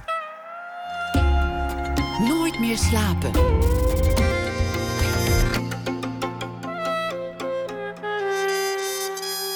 Met Pieter van der Wielen. U luistert naar Nooit meer slapen. Zometeen eh, gaan we het hebben over eh, kunst op de Wallen in Amsterdam. En we gaan het hebben over een eh, Surinaamse kunstenaar, Ro Heilbron. Schilder en graficus. Hij is ruim een jaar geleden overleden. Eerst Thomas Heerma van Vos. Hij is schrijver. Debuteerde in 2009 met De Allestafel. Daarna volgde de roman Stern en een verhalenbundel, de derde persoon. En deze week zal hij elke nacht een verhaal voordragen over de dag die geweest is. Thomas, goeienacht. Goeienacht, Pieter. Weer een dag voorbij. Wat, uh, wat is je bijgebleven? Weer een dag voorbij. Wat me het meest is bijgebleven is eigenlijk meteen waar ik mee wakker werd. En dat is een filmpje dat uh, breed uit is verspreid. En dat is het filmpje van de Haagse arrestant... waarover in de loop van de dag eigenlijk ook steeds meer ophef uh, ontstond. En dat volgens mij is dat nu nog steeds aan de gang. Er, er is een, een, een rel gaande in, in Den Haag. Er wordt gevochten met de politie, begreep ik. En het is dat filmpje, dat is natuurlijk ook wel echt opmerkelijk. Want de lezing, de aanvankelijke lezing van de politie. die lijkt mij toch wel heel anders te zijn dan je op dat filmpje ziet. Wat ja, zie jij? De aanvankelijke, de aanvankelijke lezing was dat hij in het busje, dus nadat hij gearresteerd was, onwel werd. En je ziet op het filmpje niet precies wat er tussen hem en de agenten is voorgevallen, maar wel heel duidelijk dat hij totaal laveloos en buiten bewustzijn, daar zou ik het zo ook nog over hebben in mijn stukje, in dat busje werd uh, gestopt, geduwd, gedragen. Dus, uh, en toen hadden onwel, ze dus eigenlijk... Onwel als... was hij eigenlijk al. Daar lijkt het wel zeer op en dan, dan lijkt het mij logisch dat je op dat moment de ambulance belt en niet doorgaat met de arrestatie. Ja, en wat, wat mij opviel in de, in de vele reacties die er kwamen is dat ja, je hebt dan eigenlijk twee, twee kampen, zoals vaak bij dat soort hevige discussies. Maar je weet van tevoren eigenlijk al precies welke argumenten er van stal worden gehaald... en ook welke vermoeidheid er in zo'n discussie uh, kruipt. En dat, dat, daar heb ik mijn column over uh, geschreven. Ga je gang. Er zijn onderwerpen waarover men haast alleen in gemeenplaatsen kan spreken. Waarbij de voor's en de tegens zich van tevoren al zo duidelijk laten raden... dat er al gauw een zweem van herhaling omheen hangt. En op den duur altijd mensen gaan zeggen... deze discussie hebben we al te vaak gevoerd. Vanochtend, toen er een filmpje online verscheen van afgelopen zaterdag... was het weer zover. Te zien was hoe de 42-jarige Arubaan Mitch Henriquez... bezoeker van het Night at the Park Festival in Den Haag... door achter een politiebusje in werd gesleurd. Gesleurd, ja dat is het woord, want Henriquez was zo duidelijk buiten bewustzijn... zijn gezicht zo opgezwollen en beschadigd... dat hij zelf geen stap meer kon zetten. Het is niet de eerste keer dat de Den Haagse politie in opspraak kwam. De afgelopen jaren raakten meerdere arrestanten ernstig gewond, voornamelijk met een niet-Nederlandse achtergrond. De officiële verklaring van het OM luidde dat Henriquez in het busje onwel werd en aan de gevolgen daarvan overleed. Een dubieuze verklaring of nee, eigenlijk als je die beelden bekijkt een doorzichtige leugen. Inmiddels is die verklaring ook weer ingetrokken. Dat was vermoedelijk niet gebeurd als er vandaag niet zo'n ophef over het filmpje was gekomen en over de hele arrestatie. Zodra het filmpje online verscheen, stroomde mijn Twitter-timeline vol met verwijten van racisme, reacties zoals Black Lives Matter of Amerikaanse politietaferelen. En daartegenover werden meteen forums volgeschreven met opmerkingen dat de slachtoffer dit ongetwijfeld verdiende, anders was het niet gebeurd. En, wat ik het meest las, ook na de demonstraties van vanavond, dat het geen toeval kon zijn. Dat hij, het slachtoffer dus, dit vast aan zichzelf te danken had. Bij die zin huiverde ik en moest ik denken aan de tijd dat ik zelf bij Pathé de Munt werkte, een bioscoop in Amsterdam. Ik was 18 en moest de kaartjes scheuren. Mijn leidinggevende zei, komt bij iedereen of ze ook echt een voordeelpas hebben. In elk geval bij degene met een donker uiterlijk. Is dat niet racistisch, vroeg ik nog. En toen wierp ze me een vermanende blik toe. Een blik die zei, ja ja, dat verwijt kennen we je wel. En daarna sprak ze een zin die ik nooit ben vergeten. Op droge toon, dit is geen racisme, Thomas. Dit is een kwestie van kansberekening. Wanneer die twee begrippen zo nauw in elkaar overlopen... wanneer je zo geroutineerd, verveeld eigenlijk... over zulke precaire onderwerpen spreekt... eindig je vermoedelijk als forumreageerder die een dode over wie je niets weet... en die ongewapend na naar een festival gaat, alsnog beschuldigt. Die door steeds opnieuw te lezen over racisme... het gevoel heeft dat er steeds minder op het spel staat. De klank van steeds dezelfde klachten kan immers iets dofs krijgen, iets voorspelbaars. Maar juist in die herhaling zit volgens mij de ware tragedie van de dood van Henriquez. Dat het niet eens zo'n uitzondering is. Dat racisme zo'n vastgeroest onderdeel is, hoe het er dan ook uitkomt, van de dagelijkse praktijk. Dat er over spreken al gauw als een gemeenplaats klinkt. En dat zelfs een 18-jarige jongen die geen idee heeft al wordt gedwongen aan gekleurde kansberekening te doen. Dankjewel voor, uh, voor dit verhaal. Ja, wat het ook leert. Ja, kijk, hij, hij zou dan geroepen hebben: Ik heb een wapen als een grap. Ik, ik weet niet op wat voor toon hij dat riep en wat, wat de omstandigheden waren. Maar dat, dat is alvast niet verstandig om in, in deze tijd over, over een wapen uh, te schreeuwen. Maar het leert volgens mij ook dat je, dat je als politie. Jij, jij noemde het een leugen, nou laten we daar dan even van uitgaan daar kom je niet meer mee weg. Want iedereen staat tegenwoordig te filmen. Dus, dus als er iemand uh, wordt gearresteerd en het gaat er ruw aan toe, dan kan je wel een of ander verhaal ophangen. Van, van hoe het gegaan is. Hij zakte in het busje in elkaar. Maar daar, dat, dat veroorzaakt nee, alleen. Dat is olie op het vuur natuurlijk. Zeker bij zo'n groot festival natuurlijk, waar dan duidelijk heel veel omstanders omheen stonden. Dus ik, ik snap ook niet dat, dat iemand dat dan ja, in, in, zijn, in zijn hoofd had eigenlijk om dan met zoiets te komen. Van dat je denkt, daarmee sussen we het wel of daarmee is de kous wel af. Want inderdaad, daar kom je gewoon niet mee weg. En gelukkig kan het in heel rap tempo heel krachtig verspreid worden. Want ja, anders was het uh, het woord van enkele omstanders tegen het woord van de politie. En dan heeft de politie toch al wel, wel snel vanuit de machtspositie het laatste woord.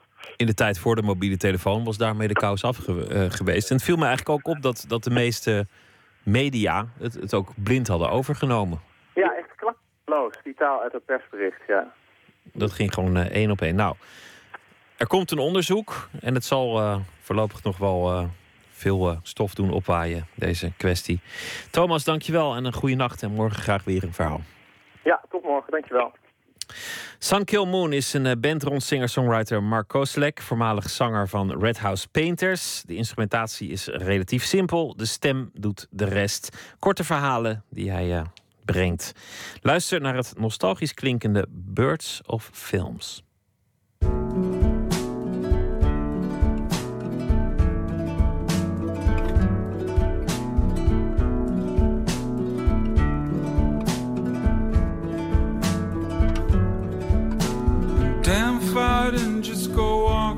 Find some horses, a man-made lake and some trolls. Came back to my room all covered in sweat here at the Swiss Fall House Hotel. Filled out an application for a work visa for Japan and Australia. It's been a few weeks since I've left home and I feel out of place and out of my element. I work from 7 to 9 till 5 a.m. when the AD says rap. And a runner named Fabio flashlights me back to my hotel before the sun comes up. And I get in my bed and talk with my girl on the phone. Do the birds chirping? How the hell did I end up playing myself in an Italian film? Set in a ski town in Switzerland.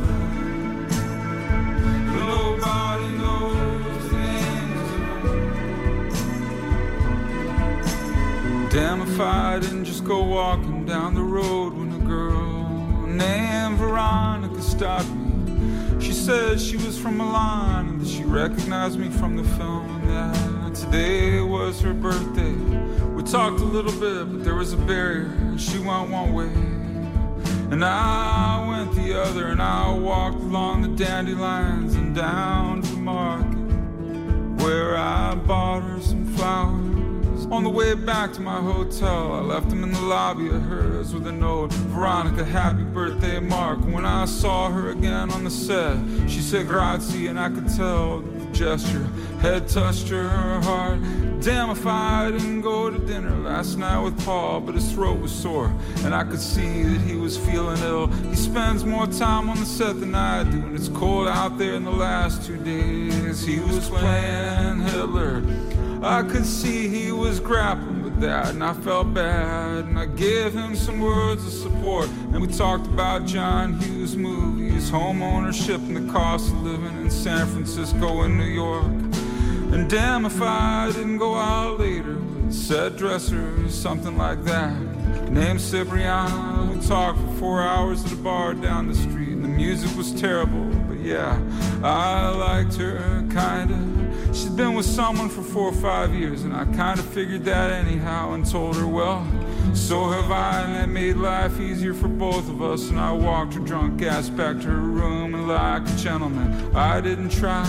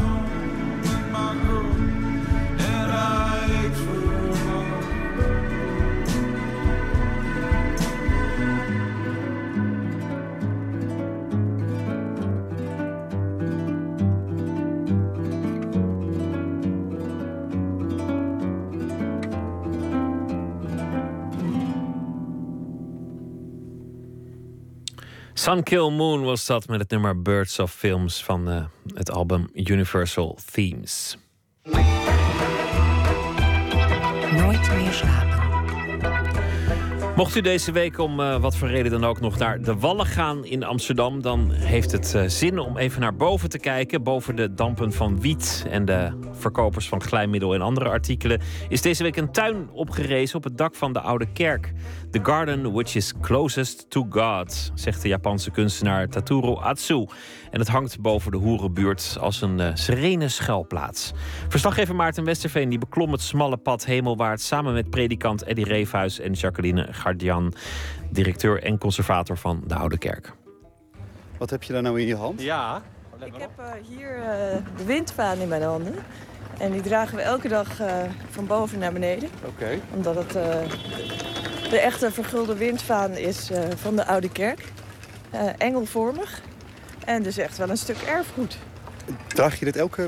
Oh, draag je het elke... Moet ik het even dragen trouwens? Oh, het ziet er nee, behoorlijk nee, zwaar uit. Goed, Ja? dankjewel. Ja? dat dragen we elke dag van boven naar beneden. S'avonds. Oh. En 's morgens. Voordat we naar binnen gaan zo, of voordat we de trappen opgaan. ehm, we kunnen het nu nog niet zien. Hè? We staan nu echt onderaan. Het is onmogelijk om te begrijpen wat, wat eh eh, Atsu bedoeld heeft. Maar wat is eigenlijk... Wat moeten we aan gaan treffen als we eenmaal boven zijn? Nou, ehm, we staan hier in de, in, het, in de midden van het eh, eh, Wallengebied. Eh, doorgaans is het hier ongelooflijk druk. Het is ook eh, de oude binnenstad van Amsterdam. Dus het stratenpatroon is hier heel dicht op elkaar. Straks als we boven zijn, hebben we lucht. Kunnen we even ademhalen, want daar is gewoon een open ruimte. En dat heeft de kunstenaar ook bewust willen doen als reactie op eigenlijk de hectiek hier beneden. Hij heeft ons eh, ruimte gegeven om te ademen, naar de stad te kijken, eh, te filosoferen. En eh, ja, om gewoon op een heel ander, andere manier op die kerk te zijn. Hebben jullie hem benaderd of hoe is dat gegaan? We hebben hem eh, gevraagd eh, om hier eens eh, te komen kijken. Omdat het een kunstenaar is die altijd werkt met erfgoed en met de omgeving van dat erfgoed. Hij heeft hier vier dagen rondgelopen, om de kerk heen, maar ook juist ook veel in de buurt. En toen kwam hij met twee ideeën. waarvan de meest onmogelijke ons meteen het allerspannendst leek. En dat was een, een groot iets op het dak. Ik ben Eddie Reefhuis, ik ben predikant van de Oude Kerk. Ik ben, heb hier vooral op zondagdienst, maar ik ben er door de week ook regelmatig. Want dit gebouw trekt mensen, uh, ook wel mensen met religieuze vragen. En leden van mijn gemeente lopen hier ook rond. De, nou, er is veel om te doen geweest. Hoe, toen jij het idee hoorde om die tuin daar bovenop te zetten... wat, dacht je meteen, ha, leuk? Hoe gaat het voor een dominee? Een tuin op, het, op de kerk is leuk. Ik moest ook wel direct lachen. Nearest to God. In, in, de, in de kerk weten we toch al sinds jaar en dag... dat wij niet naar God hoeven op te stijgen, maar dat hij naar ons afdaalt. Maar ik moet ook wel heel eerlijk zeggen dat omdat die tuin nu daarboven is... en omdat hij ook zo heet... heb ik nu ook wel veel meer aanleiding om het daar met mensen over te hebben. Uh, en het uitzicht is echt fantastisch. Nou, uh, genoeg. Uh, laten we maar gewoon aan het werk beginnen, want het is, het is nog een flinke klim.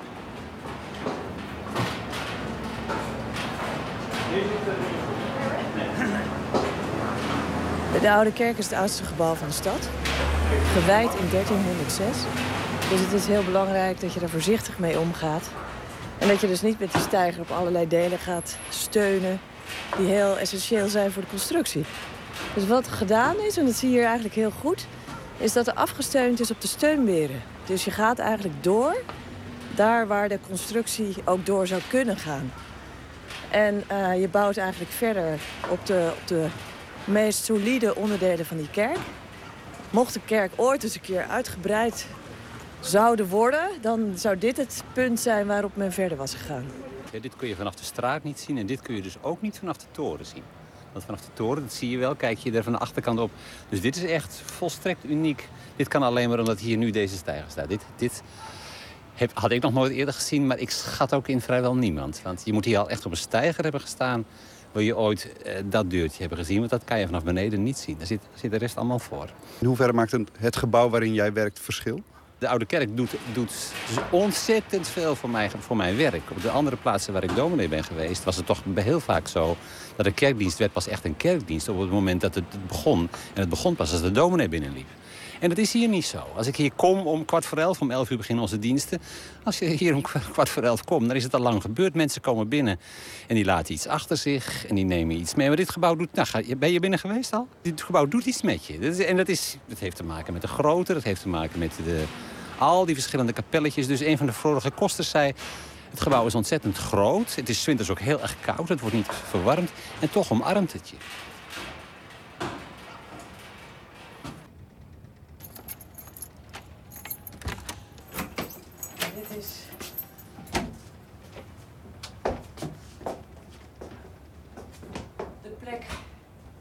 Waar eigenlijk uh, het publieke domein gevangen wordt in een private ruimte. Dus uh, wij zetten zo die windvaan, die normaal gesproken dus staat uh, te, te draaien bovenop de kerk. Helemaal op het uiterste oostpuntje. Die zetten we nu op dit tafeltje. We zetten even de windvaan op. Die staat. We staan hier in een woonkamer. Ja, want het is heel surreëel, want we zijn nu helemaal omhoog geklommen. Ik was helemaal klaar voor het uitzicht. Maar we zitten nu, het klinkt ook waarschijnlijk voor de luisteraar... alsof we opeens in een, uh, in een woonkamertje zitten. Ja, dit is, uh, dit is een kamer die uh, Taturo Atsu gemaakt heeft rondom deze windvaan. hij wil mensen op een andere manier laten kijken naar erfgoed... en eigenlijk naar ja, de, de stad waar ze soms zo onachtzaam of geruisloos aan voorbij fietsen... Uh, dit windvaartje kun je bijna niet zien vanaf de straat. Nu sta je er dus met je neus bovenop en staat hij op een tafeltje in een woonkamer. Ingericht met een bank, twee uh, boekenkasten, uh, prenten aan de muur. Maar wat is nou eigenlijk de hoop dat er hier gaat gebeuren dan eenmaal in die kamer? Veel mensen realiseren zich op het eerste gezicht nog niet dat dit echt de windvaan is die bovenop de kerk staat. Het lijkt bijna alsof het iets een decoratiefs is. Maar op het moment dat je het gaat realiseren, dan valt echt letterlijk het kwartje. Je ziet het ook bij mensen gebeuren. Ja, en dan ontstaat er wel zo'n ongelooflijke gewaarwording. Uh, dat, je, dat je je eigenlijk hier bovenop die kerk uh, op een heel andere manier verhoudt tot, uh, tot de schaalgrootte ervan. En dat je eigenlijk even een onderdeel bent van ja, een, object op dat dak. Waar je normaal gesproken natuurlijk bij, zelfs met het blote oog niet bij kan.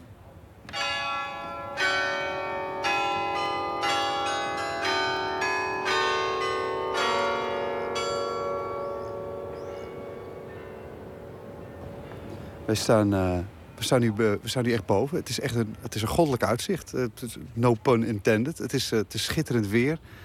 En de hele stad is nog stil. Je hebt dit natuurlijk op een gegeven moment teken je voor eh, dit werk. Hè. Dat gaat dan gebouwd worden en je ziet het langzaam opgebouwd. Nou, hoe is het dan om de eerste keer dit dan te ondergaan? Nou, het is een intens fysieke ervaring. Het is, eh, eh, ja, en dat zie ik ook aan iedereen die hier, hierboven komt. Eh, een soort blijheid, een soort lichtheid die je, die je overvalt. En dat, daar kun je over opschrijven, maar dat, dat klinkt dan meteen zo eh, overdreven. Eh, maar op het moment dat je hier staat, kun je niet anders doen dan ongelooflijk glimlachen en heel erg blij en enthousiast worden. En dat is niet alleen mijn eigen ervaring, maar ik zie het bij andere mensen ook gebeuren. Garden that is closest to God. De tuin die dichtst bij God is. Hoe ironisch of hoe serieus moeten we die titel eigenlijk nemen? Nou ja, eh, het woord garden doet vermoeden dat het groen is. Het is hier natuurlijk ontzettend wit. Oogverblindend wit. Ja, dus zonnebrillen zeker op. Eh, in eh, Japan is een, een, een tuin niet per, per definitie groen. Maar het woord tuin kan ook opgevat worden als een open plek. Dus dat was ook de, het cultuurverschil dat, dat mij trof. En ja, dichter bij God, hij heeft dat niet ironisch bedoeld. Eh, hij heeft gewoon nagedacht over waar ben ik en op welk gebouw ga ik iets bouwen. En dit leek hem eh, de juiste titel. God, ben je er hier nu echt dichterbij? Ehm, vergeleken met beneden in de kerk zou ik zeggen van niet. Maar ik ken allerlei andere plaatsen, vergeleken met allerlei andere plaatsen wel. Vanwege de concentratie die hier is, de, de, eh, het bijzondere van de plek. Ehm, nou, zoals je dat in het bos met de ene boom misschien meer hebt dan met een andere. Vraag maar aan prinses Irene. Jacqueline, geloof jij in God? Eh, ik ben geen gelovende. Ik geloof in allerlei krachten, maar niet per se eh, alleen maar in God. Geloof je er meer in, in die krachten als je hier bent? Dat weet ik niet. Ik weet niet of dat een invloed heeft op het, op het geloof in God voor mij. Eh, wel het geloof in dat je iets kunt waarmaken met een groep mensen. En dat is eigenlijk ook hoe de kerk is ontstaan. Je, hebt een onmogelijk idee. En iedereen die de eerste schetsen zag, dacht van nou, dit is, dit is zo idioot, dat gaat nooit lukken. Eh, en dat je dat dan toch voor elkaar krijgt met elkaar. Eh, en, die, goddelijke kracht die dan bij mensen naar boven komt, die energie en dat enthousiasme. Eh, nou, als er dan nog God is, dan denk ik toch dat, dat als we dat met elkaar kunnen, voor elkaar kunnen krijgen, dat dat eh, eh, de kracht is die we dan eh, bedoelen.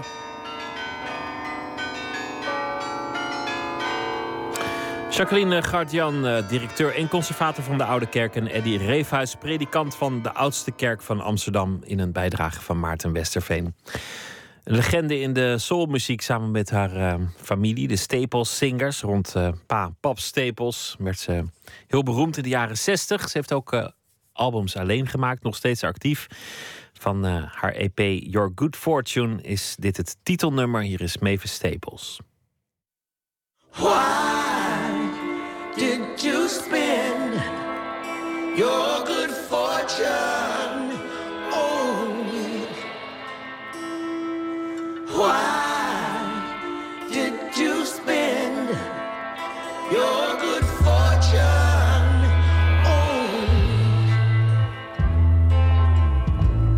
Did you leave me to suffer?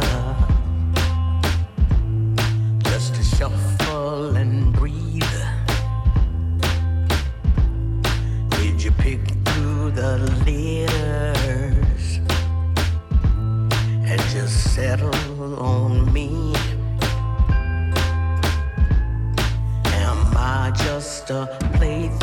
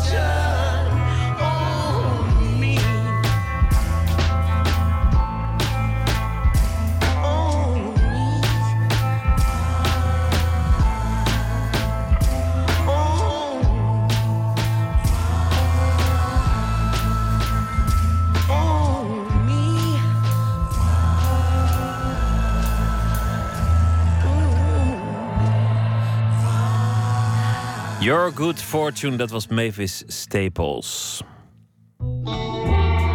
Nooit meer slapen. Hij overleed al 75 jaar geleden, maar toch was er nieuws over het einde van dichter Hendrik Marsman.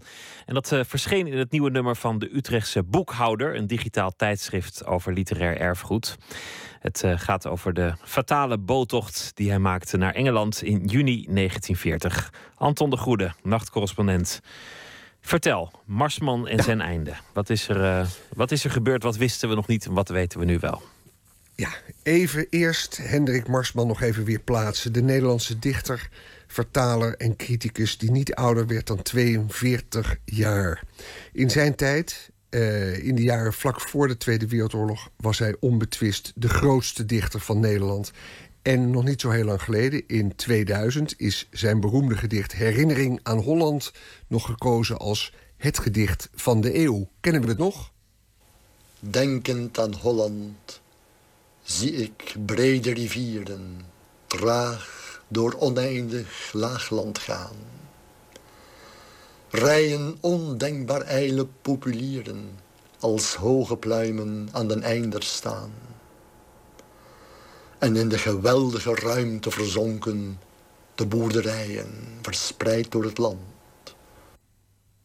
Ja. ja, een ontzettend bekend gedicht natuurlijk eh, van De. Evergreen, hè? Ehm, en trouwens wel grappig, want door dit gedicht is hij eigenlijk bij ons blijven eh, leven als iemand die een enorme liefde voor Nederland koesterde. Terwijl hij ook enorm eh, hekel had aan de Nederlandse bekrompenheid. Zo zei hij ooit: Holland is en blijft een ellende. Wie hier op de grond stampt, zakt weg in de modder. Eh, en ook is later wel eens gezegd dat in heel veel van zijn poëzie zijn tragische dood min of meer voorspeld wordt. Hij is verdronken in de eerste oorlogsmaanden. En dit gedicht, waar we net het begin van hoorden, wat iedereen kent, dat eindigt met woorden die over het water gaan. Luister. En in alle gewesten wordt de stem van het water met zijn eeuwige rampen gevreesd en gehoord. Angst voor het water en eh, hij is ook verdronken. Wat, wat is er nou gebeurd? Want hij ging uit Frankrijk naar Engeland met een boot, zoveel is, is bekend. Wat deed hij daar en, en waarom wilde hij ineens toch vluchten? Nou, jonge dichter eh, in aanzien, heeft een aantal jaren in het buitenland gewoond, in Frankrijk gewoond, eh, had he, Nederland achter zich gelaten. En toen de oorlog kwam, toen zat hij in de buurt van Bordeaux. En wilde hij vluchten om de Duitsers te ontlopen. En hij wilde naar Engeland. De boot waarop hij probeerde te ontkomen eh, met zijn vrouw Rien, die is gezonken voordat ze Engeland haalden. En dat einde dat is nu gereconstrueerd in een artikel in wat jij noemde de Utrechtse boekhouder. Eh, Niels Bokhoven die werkt daar eh, voor. En die heeft samen met een scheepvaartkenner, Arne Zuidhoek... is hij gaan kijken wat er nu eigenlijk bekend is van dat einde en van die boot. Dubbel interessant, omdat deze Niels Bokhoven... Uh, de hand wist te leggen op brieven van de weduwe van Hendrik Marsman, die Rien, die overleefde terwijl dus Hendrik Marsman verdronken is, overleefde zij die ramp met de kapitein en nog zes bemanningsleden. Wat was het voor schip? Dat hebben ze gereconstrueerd. En waarom is het eigenlijk gezonken? Er was een explosie ergens in het kanaal. Maar waar kwam die explosie vandaan? Sommigen dachten er is een torpedo afgevuurd door een Duitse onderzeeboot. Later waren er ook mensen die zeiden nee. In die eerste meidagen, en dit was in juni, maar ook toen, toen waren er nog geen Duitse onderzeeërs in de Noordzee. Um, Laten we gaan luisteren. Die boot, die weduwe, die heeft een zwemvest aangehad. En dat zou een van de redenen zijn, ook dat ze, aan, dat ze zich aan dek bevond. Een van de redenen zijn waarom zij overleefde. In tegenstelling tot Hendrik Marsman, die in het ruim zou hebben gezeten. Maar luister nu naar hoe Niels Bokhoven de situatie schetst. We moeten niet vergeten dat het, dat het een kustvaarder was en geen passagiersboot. Het was gewoon een vrachtboot. En uh, daar, waren, er was wel accommodatie voor een paar passagiers. Maar dit was natuurlijk een noodsituatie. Nederlanders en ook anderen wilden allemaal Bordeaux uit... omdat de Duitsers hun in de nek zaten. Uh, ik geloof zelfs een bombardementen op Bordeaux zijn geweest... Uh, aan de rand van Bordeaux. Dus het was echt nijpend. En er zijn er pakweg twintig mensen, Nederlanders, zijn, waarvan we een aantal ook de namen hebben... Uh, aan, aan, aan boord kunnen komen. En die hebben zich ja, een beetje geïmproviseerd moeten nestelen in, in, in, dat schip. En dus werd altijd aangenomen in het ruim. Maar uh, zei ook van ja, dat is me helemaal, dat valt te betwijfelen. Want er zit ook een opbouw op het schip. We hebben ook tekeningen van het schip gezien. Die zijn niet in het stuk een, een, constructietekening. Waar het blijkt dat er een grote opbouw is. Waar er ook passagiers en waar ook de bemanning heeft uh, geslapen. Althans de kapitein die was bovendekt. Dus uh, we hebben heel veel van de verhalen die overal de ronde doen. Kijken we op internet, overal zie je dat verhaal van die torpedo... en overal zie je het verhaal van dat ruim waarin die mensen zitten. Maar we hebben er minstens grote vraagtekens bij moeten zetten. En uh, in een paar gevallen dus, ja, er zijn ook duidelijk alternatieve verhalen te bedenken. Er waren overlevenden, kortom, van die scheepsramp. Maar ja, het was oorlog, je ging uh, over zee, dat was een risico. Dus een, een mijn, dat, dat kan zomaar gebeuren. En dan is er weer de vraag van wat voor een soort mijn kan dat geweest zijn. Uh, hebben ze allemaal uitgezocht. Uh, Niels Bokhoven hoorde je net de naam Arne Zuidhoek uh, noemen. Heel snel, dat is de naam van die scheepvaartkenner... met wie die het allemaal bestudeerd heeft. En als je je erin verdiept, is het eigenlijk een krankzinnig verhaal. en ook hartverscheurend. Deze man die publiceerde over de dood en doodthema in zijn werk... Um, waarover natuurlijk ook al wel heel veel geschreven is. Onder andere door Jaap Goedegeburen. In 1999 schreef hij een biografie van Marsman. Maar hij beschikte niet over de brieven en de bronnen... waarover Niels Bokhoven nu wel beschikte. Vanmiddag even met Jaap Goedegeburen gebeld... en gevraagd of hij onder de indruk is van de onderzoekingen van deze Bokhoven.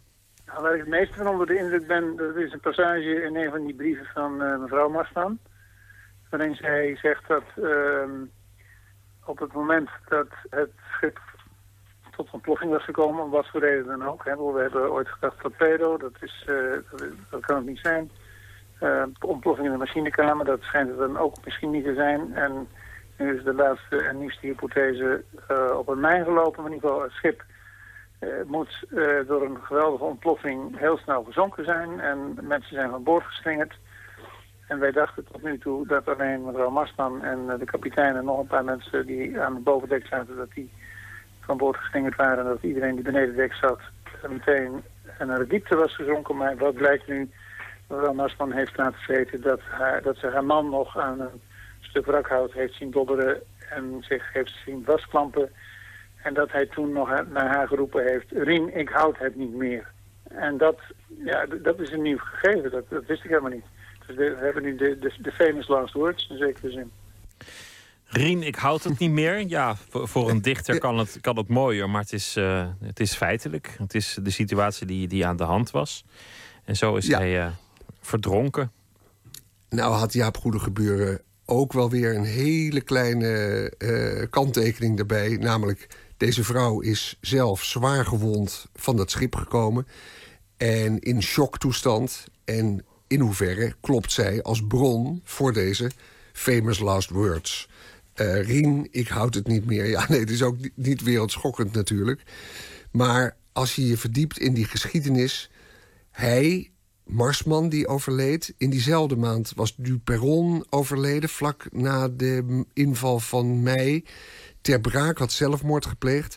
Daarmee waren er opeens drie Nederlandse schrijvers niet meer in leven. De drie grote of van dat moment in één maand.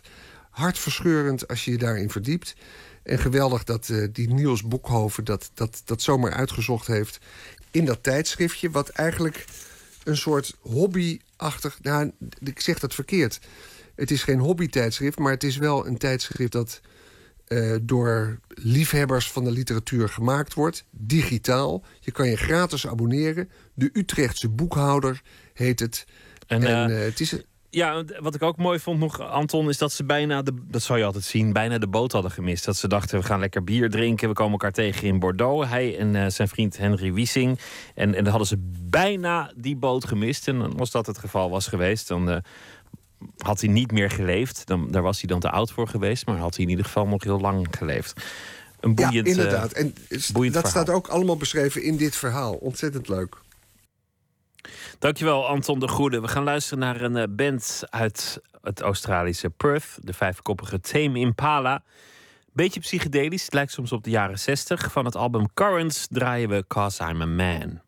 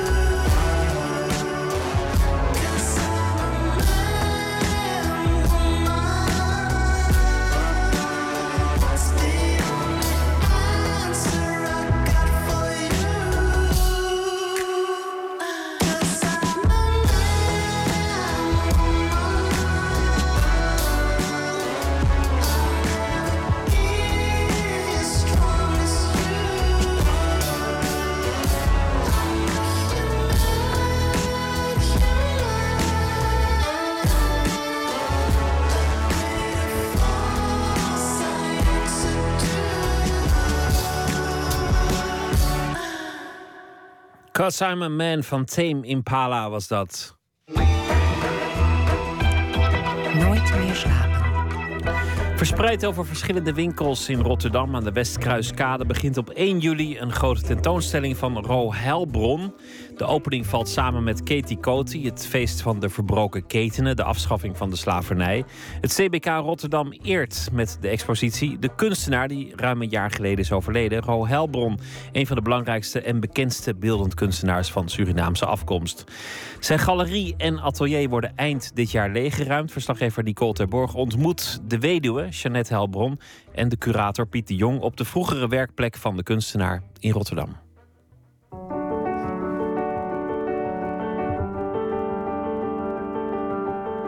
Ik was 16 jaar toen ik Ro leerde kennen. En hij eh, reed op een Sundap brommer. Hij werkte al, want hij was 24.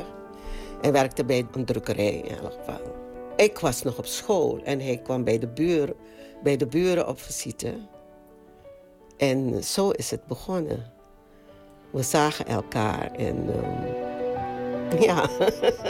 Hij was een eh, hele bevlogen man. Ehm, iemand die eh, heel erg eh, geëngageerd was. Die ook heel erg opkwam voor onrecht. Ja, ik vond een beetje oneffenheden erop. Ja. Want ik had je la, Je had het ge- al- geappt, Ja. maar ik had geen antwoord gehad. Oh, nee, maar je hebt het al een keer eerder gevraagd. Zo van... In zijn hele leven moet ik zeggen dat Ro de meeste her- erkenning heeft gehad in het Caribisch gebied. Daar eh, heeft hij, ja, daar, als je Ro Helbron daar noemt, kent iedereen hem. Maar ik, ik ben nu eh, een paar keer op de Westkruiskade geweest. Dan heb ik ook met, met mensen gesproken. En die zeggen van... Wow, Ro Heilbron, krijgt hij een tentoonstelling hier? En eh, zo van, oh, ik heb, ik heb ook een werk van hem. En mijn moeder heeft er ook een werk. En die beginnen dan helemaal op te bloeien. En die zegt van, eh, ja, maar eh, het is ook in Rotterdam een zeker een gevierde kunstenaar. Wat zegt u? Dat is een werkplaats. Dus hier gebeurt het, in deze kelder. Ik zie daar links ook een kast staan met allemaal kwasten en verf. Papieren liggen overal. Penselen, potloden. We zijn aan het opruimen, dus ehm, dit moet eh, voor december moet dat allemaal opgeruimd zijn. Over een paar maanden moet de boel hier leeg zijn. En nu hangen de kunstwerken die straks naar de winkels in de Westkruiskade gaan... nog hier, in zijn atelier en galerie. Ro Heilbron noemde zichzelf het liefst kunstarbeider. Nou, hij vond dat hij ehm, kunst maakte. En ehm, vandaar dat hij zichzelf kunstarbeider noemde. En hij, hij, wil, hij wilde ook heel dicht bij het volk staan. Hè? Hij wilde, hij, eh, arbeider staat dicht, dicht, bij, Dichter bij het volk. dicht bij het volk, ja. Het wordt geopend op Kitty Kotti, hè? Op 1 juli, hè? de dag dat de afschaffing van de slavernij gevierd eh, wordt. Is dat een toepasselijk eh, datum? Ja, zeker. Ik denk dat eh, als Ro dat zelf moest kiezen, dat hij eh, volmondig ja had gezegd. Want?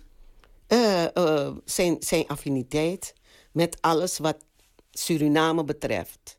Kijk, Ro woonde hier, we leefden hier, maar Ro, Ro had twee landen. Suriname was zijn land, maar Nederland was, eh, Rotterdam vooral, was zijn, zijn stad. Dus ja, ik denk dat hij volmondig eh, ja zou hebben gezegd. Zullen we even naar boven gaan, naar zijn kunstwerken? En dan wil ik graag wat meer horen van de werken die eh, jij hebt uitgekozen. We staan hier bijvoorbeeld voor een, eh, een schilderij... eh, wat hij in eh, 2008 heeft gemaakt. En je ziet dan een typisch eh, Surinaams slavenhuis. Zo'n wit geschilderde planken, groene luiken. Een, een heel traditioneel huis. Maar ehm, dat heeft hij natuurlijk niet, uit een herinnering geschilderd. En eh, ook een soort verlangen van, eh, ja, zo, zo is het goed. Je, je zou bijna kunnen denken van... Hij, hij wilde eigenlijk teruggaan naar Suriname... en hij wilde ook in zo'n huis wonen. Als je kijkt naar het eh oeuvre van eh Ro Helbron... dan lijkt het alsof hij het maatschappelijk geweten is van Suriname. Je ziet een schilderij van de onafhankelijkheidsverklaring met Den Uyl... en met Aaron, tot een schilderij over milieuvervuiling... tot een schilderij eh, met de revolutie, met een afbeelding van Bouterse. Ik denk dat dat een, eh, een hele goede karakterisering is. Hij heeft eh, heel erg geprobeerd om te, te laten zien wat er gebeurde in Suriname. Hij heeft een aantal belangrijke historische episodes uit de Surinaamse geschiedenis geschilderd. Dat is natuurlijk een, een hele ingewikkelde periode. Hè? De on- onafhankelijkheid, decembermoorden. Hij, hij vond dat ook heel erg moeilijk. Hij, hij wilde ook eh, aan de ene kant sympathie hebben voor Bouterse, maar, maar op een gegeven moment zegt hij ook van ja, dat. dat Worstelde dit, hij daarmee? Dit, dit klopt niet. Ja, precies. Hij worstelde ermee. Ehm, dus, eh, en dat zie je ook in die schilderijen. Dat, en ik denk dat dat een ontwikkeling is die niet alleen maar typerend is voor, voor Ro, maar ook voor eh, heel veel Surinamers. De kunstenaar verhuisde in 1970 van Paramaribo naar Rotterdam. Volgens zijn weduwe bleef hij zich altijd verscheurd voelen tussen twee landen. kwamen in 70 hier. En hij had vreselijke heimwee. Hij is toen teruggegaan eh, naar Suriname. Eh, Ik was eh, hier, ik ben gebleven met die kinderen. De kinderen waren op school. Maar is hij teruggegaan en na een paar weken had hij heimwee naar Nederland. En toen begon die strijd al.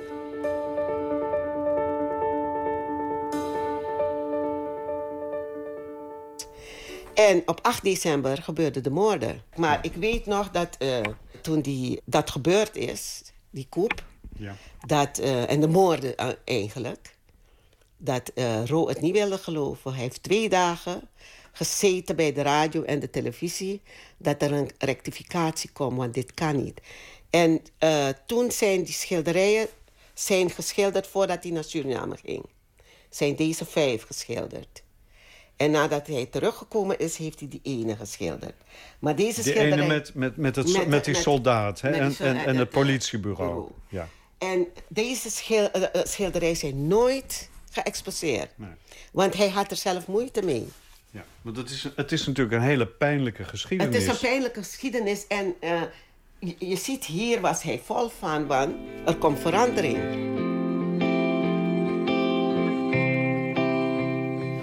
Hij wilde eigenlijk in Suriname gaan sterven eigenlijk. Maar dat kon niet vanwege die levercirrose. En die, die ader, die was stond gespannen. Dus vliegen was eh, uitgesloten. En wa- wat zou hij vinden van deze expositie op de Kruiskade? Prachtig. Hij zou het mooi vinden. En dat is dubbel bij mij. Want ik, eh, ik mag het meemaken. En hij niet.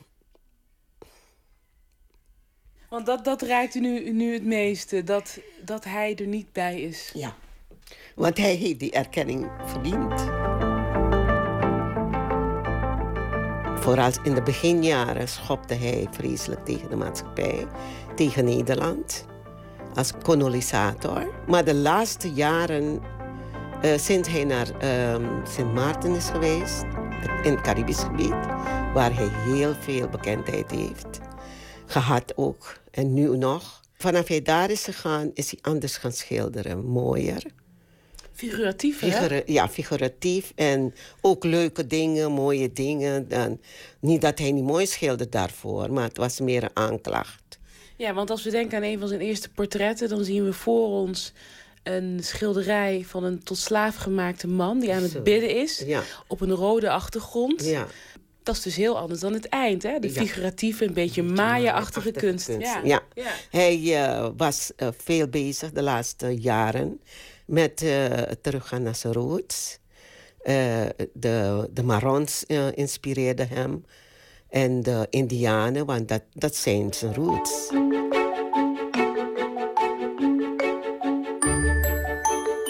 Jij bent dus helemaal in zijn eh, leven gedoken, in zijn werk. Ja. Wat is jou nou het meeste bijgebleven?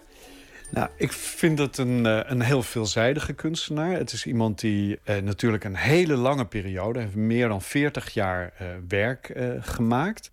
Zowel schilderijen als grafisch werk. Hij heeft, heeft dus ook heel veel prenten gemaakt, veel illustraties.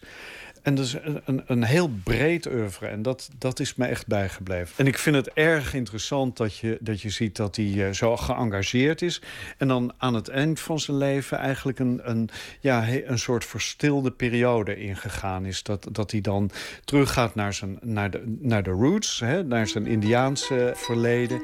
Ik vind het heel mooi. het, het is een, een, ook een afgerond oeuvre.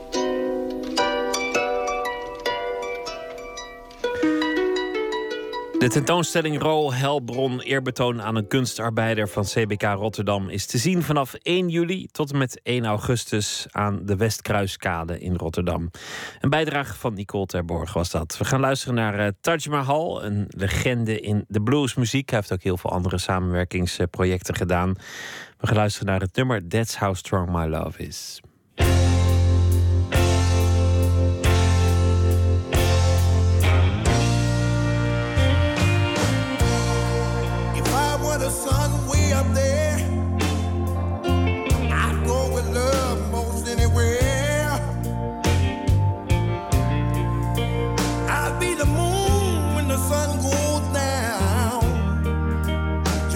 You know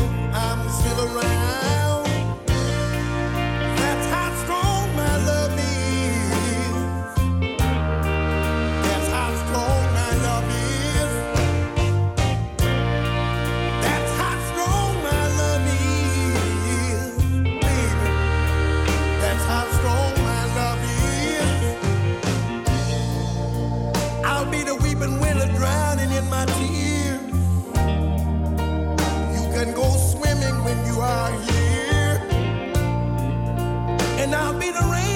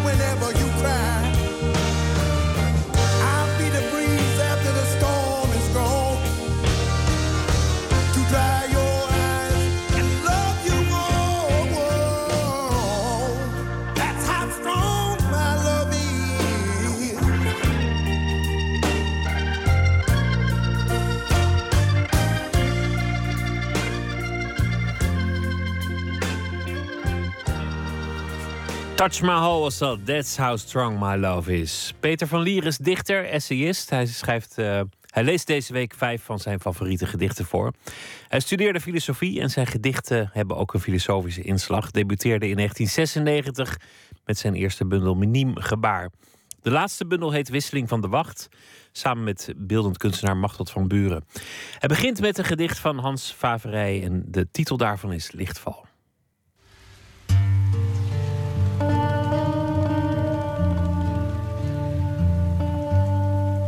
Graag lees ik een gedicht voor van Hans Favri, de dichter die mij het meest gevormd heeft. In 1987 kocht ik zijn bundel Lichtval. Ik was toen 26 en zelf net begonnen met het schrijven van gedichten. In zijn werk zit bijna alles wat ik van poëzie verlang. Een combinatie van raadselachtigheid en helderheid, lichtheid en zwaarte, diepgang en alledaagsheid. En verder deel ik zijn fascinatie voor dieren. Door je aan dieren te spiegelen, door te ervaren waarin de verschillen en overeenkomsten met de mens liggen, kom je zoveel over jezelf te weten. Het volgende gedicht komt uit Lichtval. Nu duurt het niet lang meer. Of uit de kiem maakt zich los één van die voorspellende herinneringen. Een doorwaadbare plaats in de rivier om zich te doorwaden. En dat ik telkens zie hoe een van die muildieren met zijn balen doordrenkte purperen wol zich schrap zet en de oever opkomt, terwijl intussen het water almaar neerstroomt uit de wol. Peter van Lier was dat met een gedicht van Hans Favri. Morgen in Nooit meer slapen modeontwerpster Monique Collignon... bekend onder meer van haar ontwerpen met petflessen. Ze ging failliet, allemaal narigheid, maar inmiddels is het weer goed. En vanaf 9 juli op de Amsterdamse Fashion Week. Dan komt ze met een hele nieuwe collectie. Een gesprek met haar dus uh, morgennacht in Nooit meer slapen. Zometeen op uh, NPO Radio 1, de EO. Ik wens u nog een hele goede nacht en morgen een leuke dag. En hopelijk weer tot dan. Goeienacht.